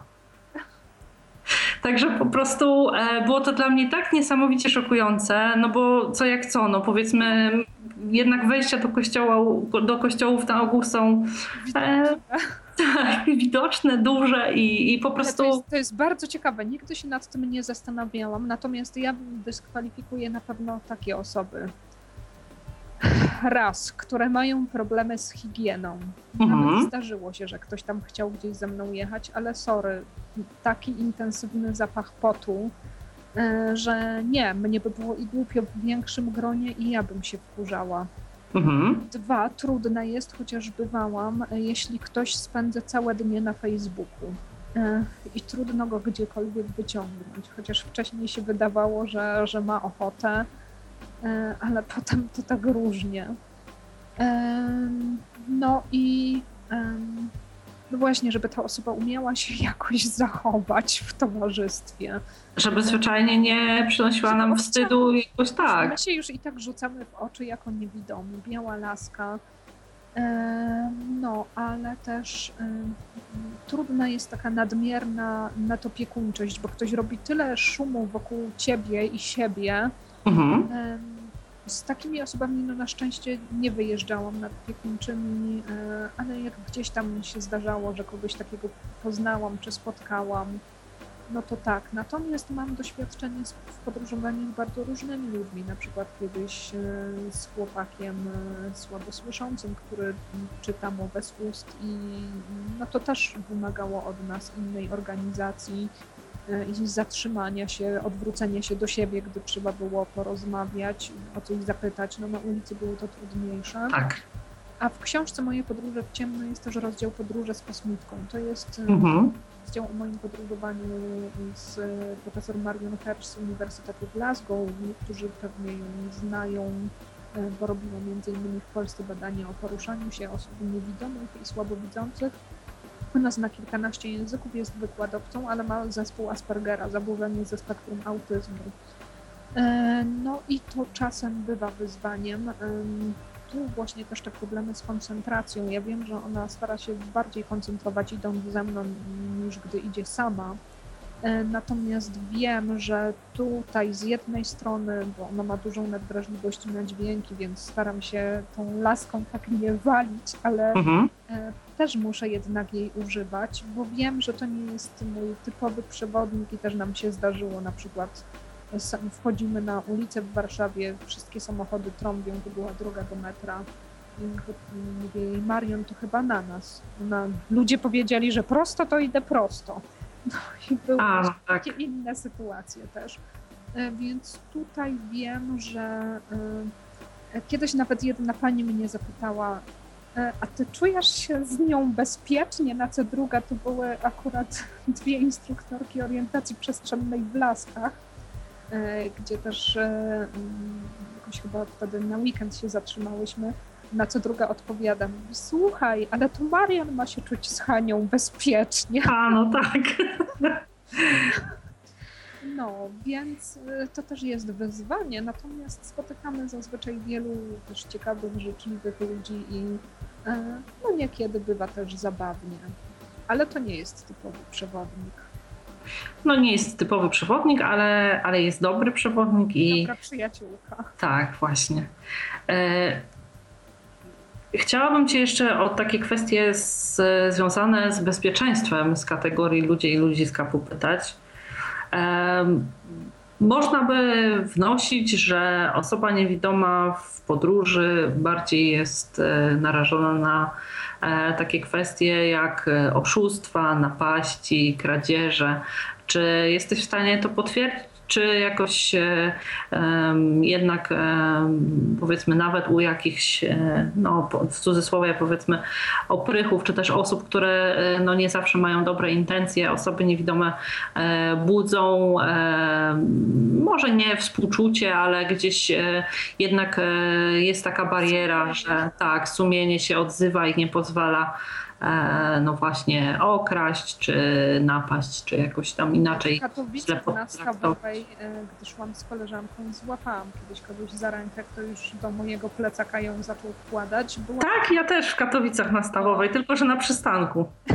Była też nieprzyjemna sytuacja w Paryżu na stacji metra e, przy szkole dla niewidomych i tam ewidentnie wtedy grasowała szajka arabskich dzieciaków, e, która ewidentnie niewidomych wypatrywała. Jako łatwe cele, tak? Tak, i też złapałam wtedy za łapę. Natomiast myślę, że mm, my musimy dużo lepiej organizować podróże, tak jak mówiłaś o tej przewidywalności, co po kolei, może jesteśmy też bardziej czujni. No na przykład mhm. z pociągiem do Budapesztu to był pociąg bez przedziałów, więc co jakiś czas, gdy była stacja i ktoś tam przechodził obok mnie, była noc, wstawałam i sprawdzałam, czy ten plecak jeszcze mam nad głową. E, czy na przykład, gdy jestem u znajomych, e, ja i w swoim domu jakoś tak automatycznie, też nawet będąc u kogoś to robię, przekręcam łucznik mhm. I też znajoma się trochę podśmiewała ze mnie, no do czasu, aż do jej sąsiadki do domu, do mieszkania weszli złodzieje i wynieśli torebkę z przedpokoju. Um, więc no w podróży mnie akurat nie okradziono, natomiast okradziono mnie na kursie, to były zajęcia udzielania pierwszej pomocy dla niewidomych w Lublinie. I na 99% wiem, która osoba niewidoma, która osoba słabowidząca wyjęła mi te pieniądze z portfela, ale zorientowałam się po fakcie. Więc wydawałoby się, że niebezpiecznie jest w podróży, a tu na czymś dla niewidomych. No tak. Co było tym bardziej przykre, nie? że wiedziałam, że to też jest ktoś, kto ma problem ze wzrokiem. Jasne. To rzeczywiście obrzydliwe i po prostu ze wszechmiar naganne, naprawdę trudno właściwie skomentować to słowami, które się nadają do użycia, no ale... Kurs pierwszej pomocy, nie? no właśnie. Pomagać. Można by zakładać, że jakieś empatyczne osoby i takie no, z wysokim morale, a tutaj... E, no właśnie, dlatego kategoria ludzie i ludziska. E... Jeszcze na przykład kiedyś koleżanka w pracy mi też mówi, o ty jesteś bardzo narażona na kradzieże, na akcje tego typu, a kolega jej mówi, Dorota, ale to ciebie w pociągu okradli. No tak. E, ja myślę, że ja też właśnie jakoś, e, nie wiem, czy przez e, taką mm, jakby wzmożoną czujność właśnie, gdzie w podróży nie mam tak, że nie wiem, całą podróż w pociągu z otwartą buzią prześpię, jest mi generalnie obojętne, co się dzieje, albo gdzieś tam właśnie w samolocie, kiedy się odzywają jakieś te dzwonki o zapinaniu pasów albo komunikaty, to ja tam sobie słucham i mam wszystko w głębokim poważaniu. E, nie, wszystkiego słucham, tylko nie, nie tych komunikatów, czy właśnie gdzieś, gdzie nagle e, tak robi się tłoczno koło mnie i zupełnie nie zwracam uwagi na to dlaczego, czy tam oczywiście często jest to spowodowane jakimiś tam zupełnie innymi czynnikami, tak? No. Tak, albo wchodzi po prostu gdzieś do pomieszczenia nagle jakaś grupa ludzi i dlatego staje się tłoczno, ale generalnie myślę, że lepiej na zimne dmuchać i, i jakoś tam właśnie mieć oczy dookoła głowy, mimo że jesteśmy osobami niewidomymi, także tutaj.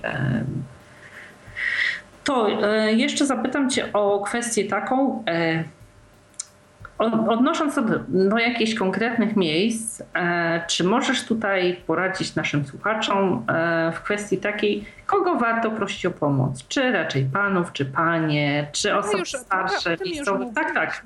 Że na pewno lepiej nie prosić kogoś, kto się, kto się śpieszy. Mhm.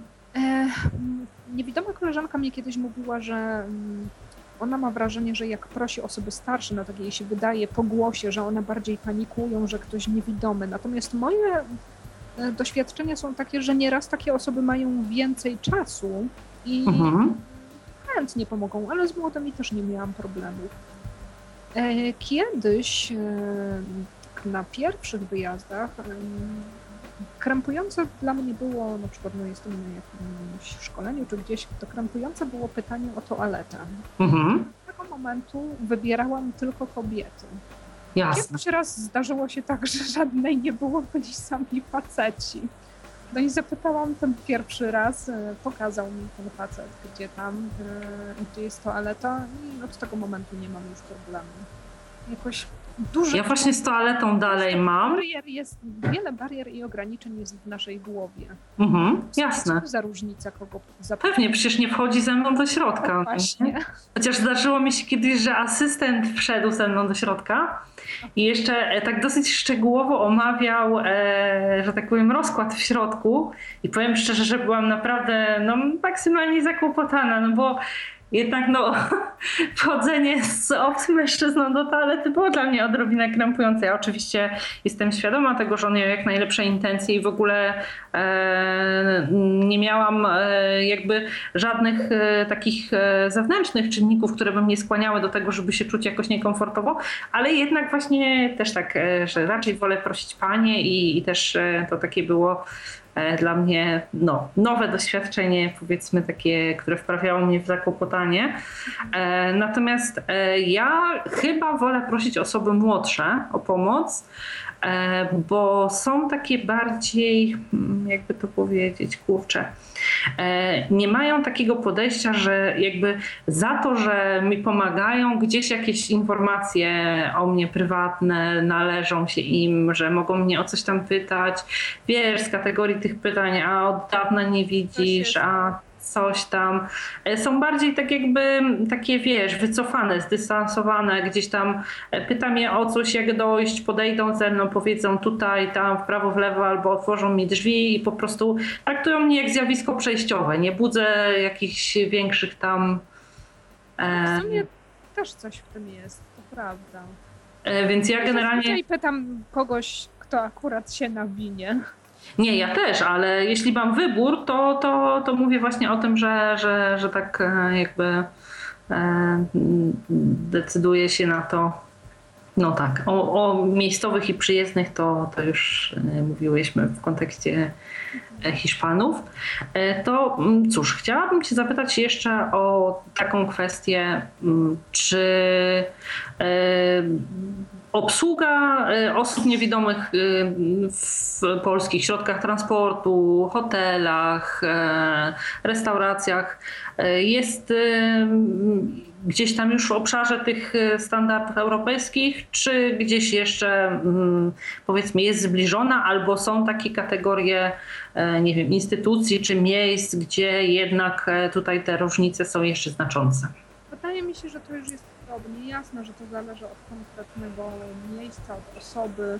E, na przykład w Łodzi byłam w restauracji z dwiema e, koleżankami niewidomymi. No jedna była częstą wywalczynią. Akurat spotkałyśmy się, gdy przyjechałam do Łodzi. Mhm.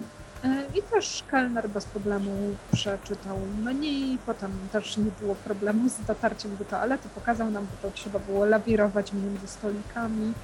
E, I byłam pozytywnie zaskoczona, bo wcześniej bywałam, e, oczywiście nieraz bywałam w restauracjach, ale nigdy sama i zawsze była jakaś osoba widząca. Mhm. E, więc no myślę, że to naprawdę zależy. Mm, w Warszawie w hotelu też ok było, mm, gdy byłam sama. Pan zaprowadził mnie do pokoju, rano umówiliśmy się, bo też taksówkę na konferencję musiałam wziąć, więc y, oni nawet zaproponowali, że mi zamówią, który to będzie. Wyszłam, już zeszłam y, na parter, bo to akurat nie był trudny hotel, ktoś mi tam pomógł tą taksówkę namierzyć, nie było problemu. No, więc to zależy pewnie od konkretnego miejsca, a może jeszcze bardziej od tego, kto akurat jest na zmianie. Jasne. Ja myślę, że u nas też jest jeszcze taka miła kompilacja, że ta obsługa nie jest e, taka tylko profesjonalna i bardzo ustandaryzowana, bo tak, z jednej strony plusem jest to, że te standardy spełnia w, naj, w dużym obszarze, w większości miejsc i tak dalej, ale też jeszcze jest e, ten taki jakby wątek osobisty, że ludzie też coś od siebie chcą e, jeszcze, zapytają, czy e, na pewno pasuje wszystko, czy tak, czy nie za daleko od recepcji pokój, czy gdzieś tam w czymś pomóc, mówią, że jakby trzeba było coś tam, to, to proszę dzwonić, proszę mówić i tak dalej, więc to, to też jest takie fajne i mam nadzieję, że przez to, że ta obsługa staje się coraz bardziej profesjonalna, nie będzie się stawała też coraz mniej ludzka, tylko też stanie. mam taką nadzieję. No i dobrze, że coraz więcej osób z różnymi niepełnosprawnościami podróżuje i myślę, że też dzięki temu jesteśmy już coraz mniej zjawiskiem. Mhm, jasne. klientem. Jasne, że tak. E, chciałam zapytać w takim razie e, zjawiskiem, klientem e, dla osób, jakby z perspektywy osób mm, niewidomych, niepełnosprawnych ogólnie też. Bo tutaj mówimy, że podróże kształcą i to jest kwestia jakby nabierania pewnego doświadczenia, pewnej wiedzy na temat świata, jakby rozwijania swoich też umiejętności interpersonalnych i tak dalej. E, a czy Twoim zdaniem podróżowanie e, jako takie samo w sobie mm, w kontekście naszej niepełnosprawności posiada jakieś walory rehabilit przepraszam, rehabilitacyjne? Na pewno tak, bo mnie to pomogło w nabraniu pewności siebie, też w uczeniu się otwartości, a ta otwartość przydaje się też w międzyludzkich kontaktach pracy, w rodzinie. E, no właśnie nauka radzenia sobie w różnych sytuacjach, e, także stresowych. E, więc na pewno ma to walor rehabilitacyjny, natomiast tak jak już mówiłam, uważam, że częścią tego jest też umiejętność wyważenia pewnych rzeczy, zadawania pytań, proszenia o pomoc i fajnie, żeby w tym była odrobina szczęścia, a nie tylko udowadnianie, że o, dojechałam gdzieś sama. A to, że trzy dni później, że gdzieś tam się, nie wiem, zgubiłam, no już teraz tutaj trochę wyolbrzymiam, ale. Jasne, jasne. Że marnuję czas swój i innych.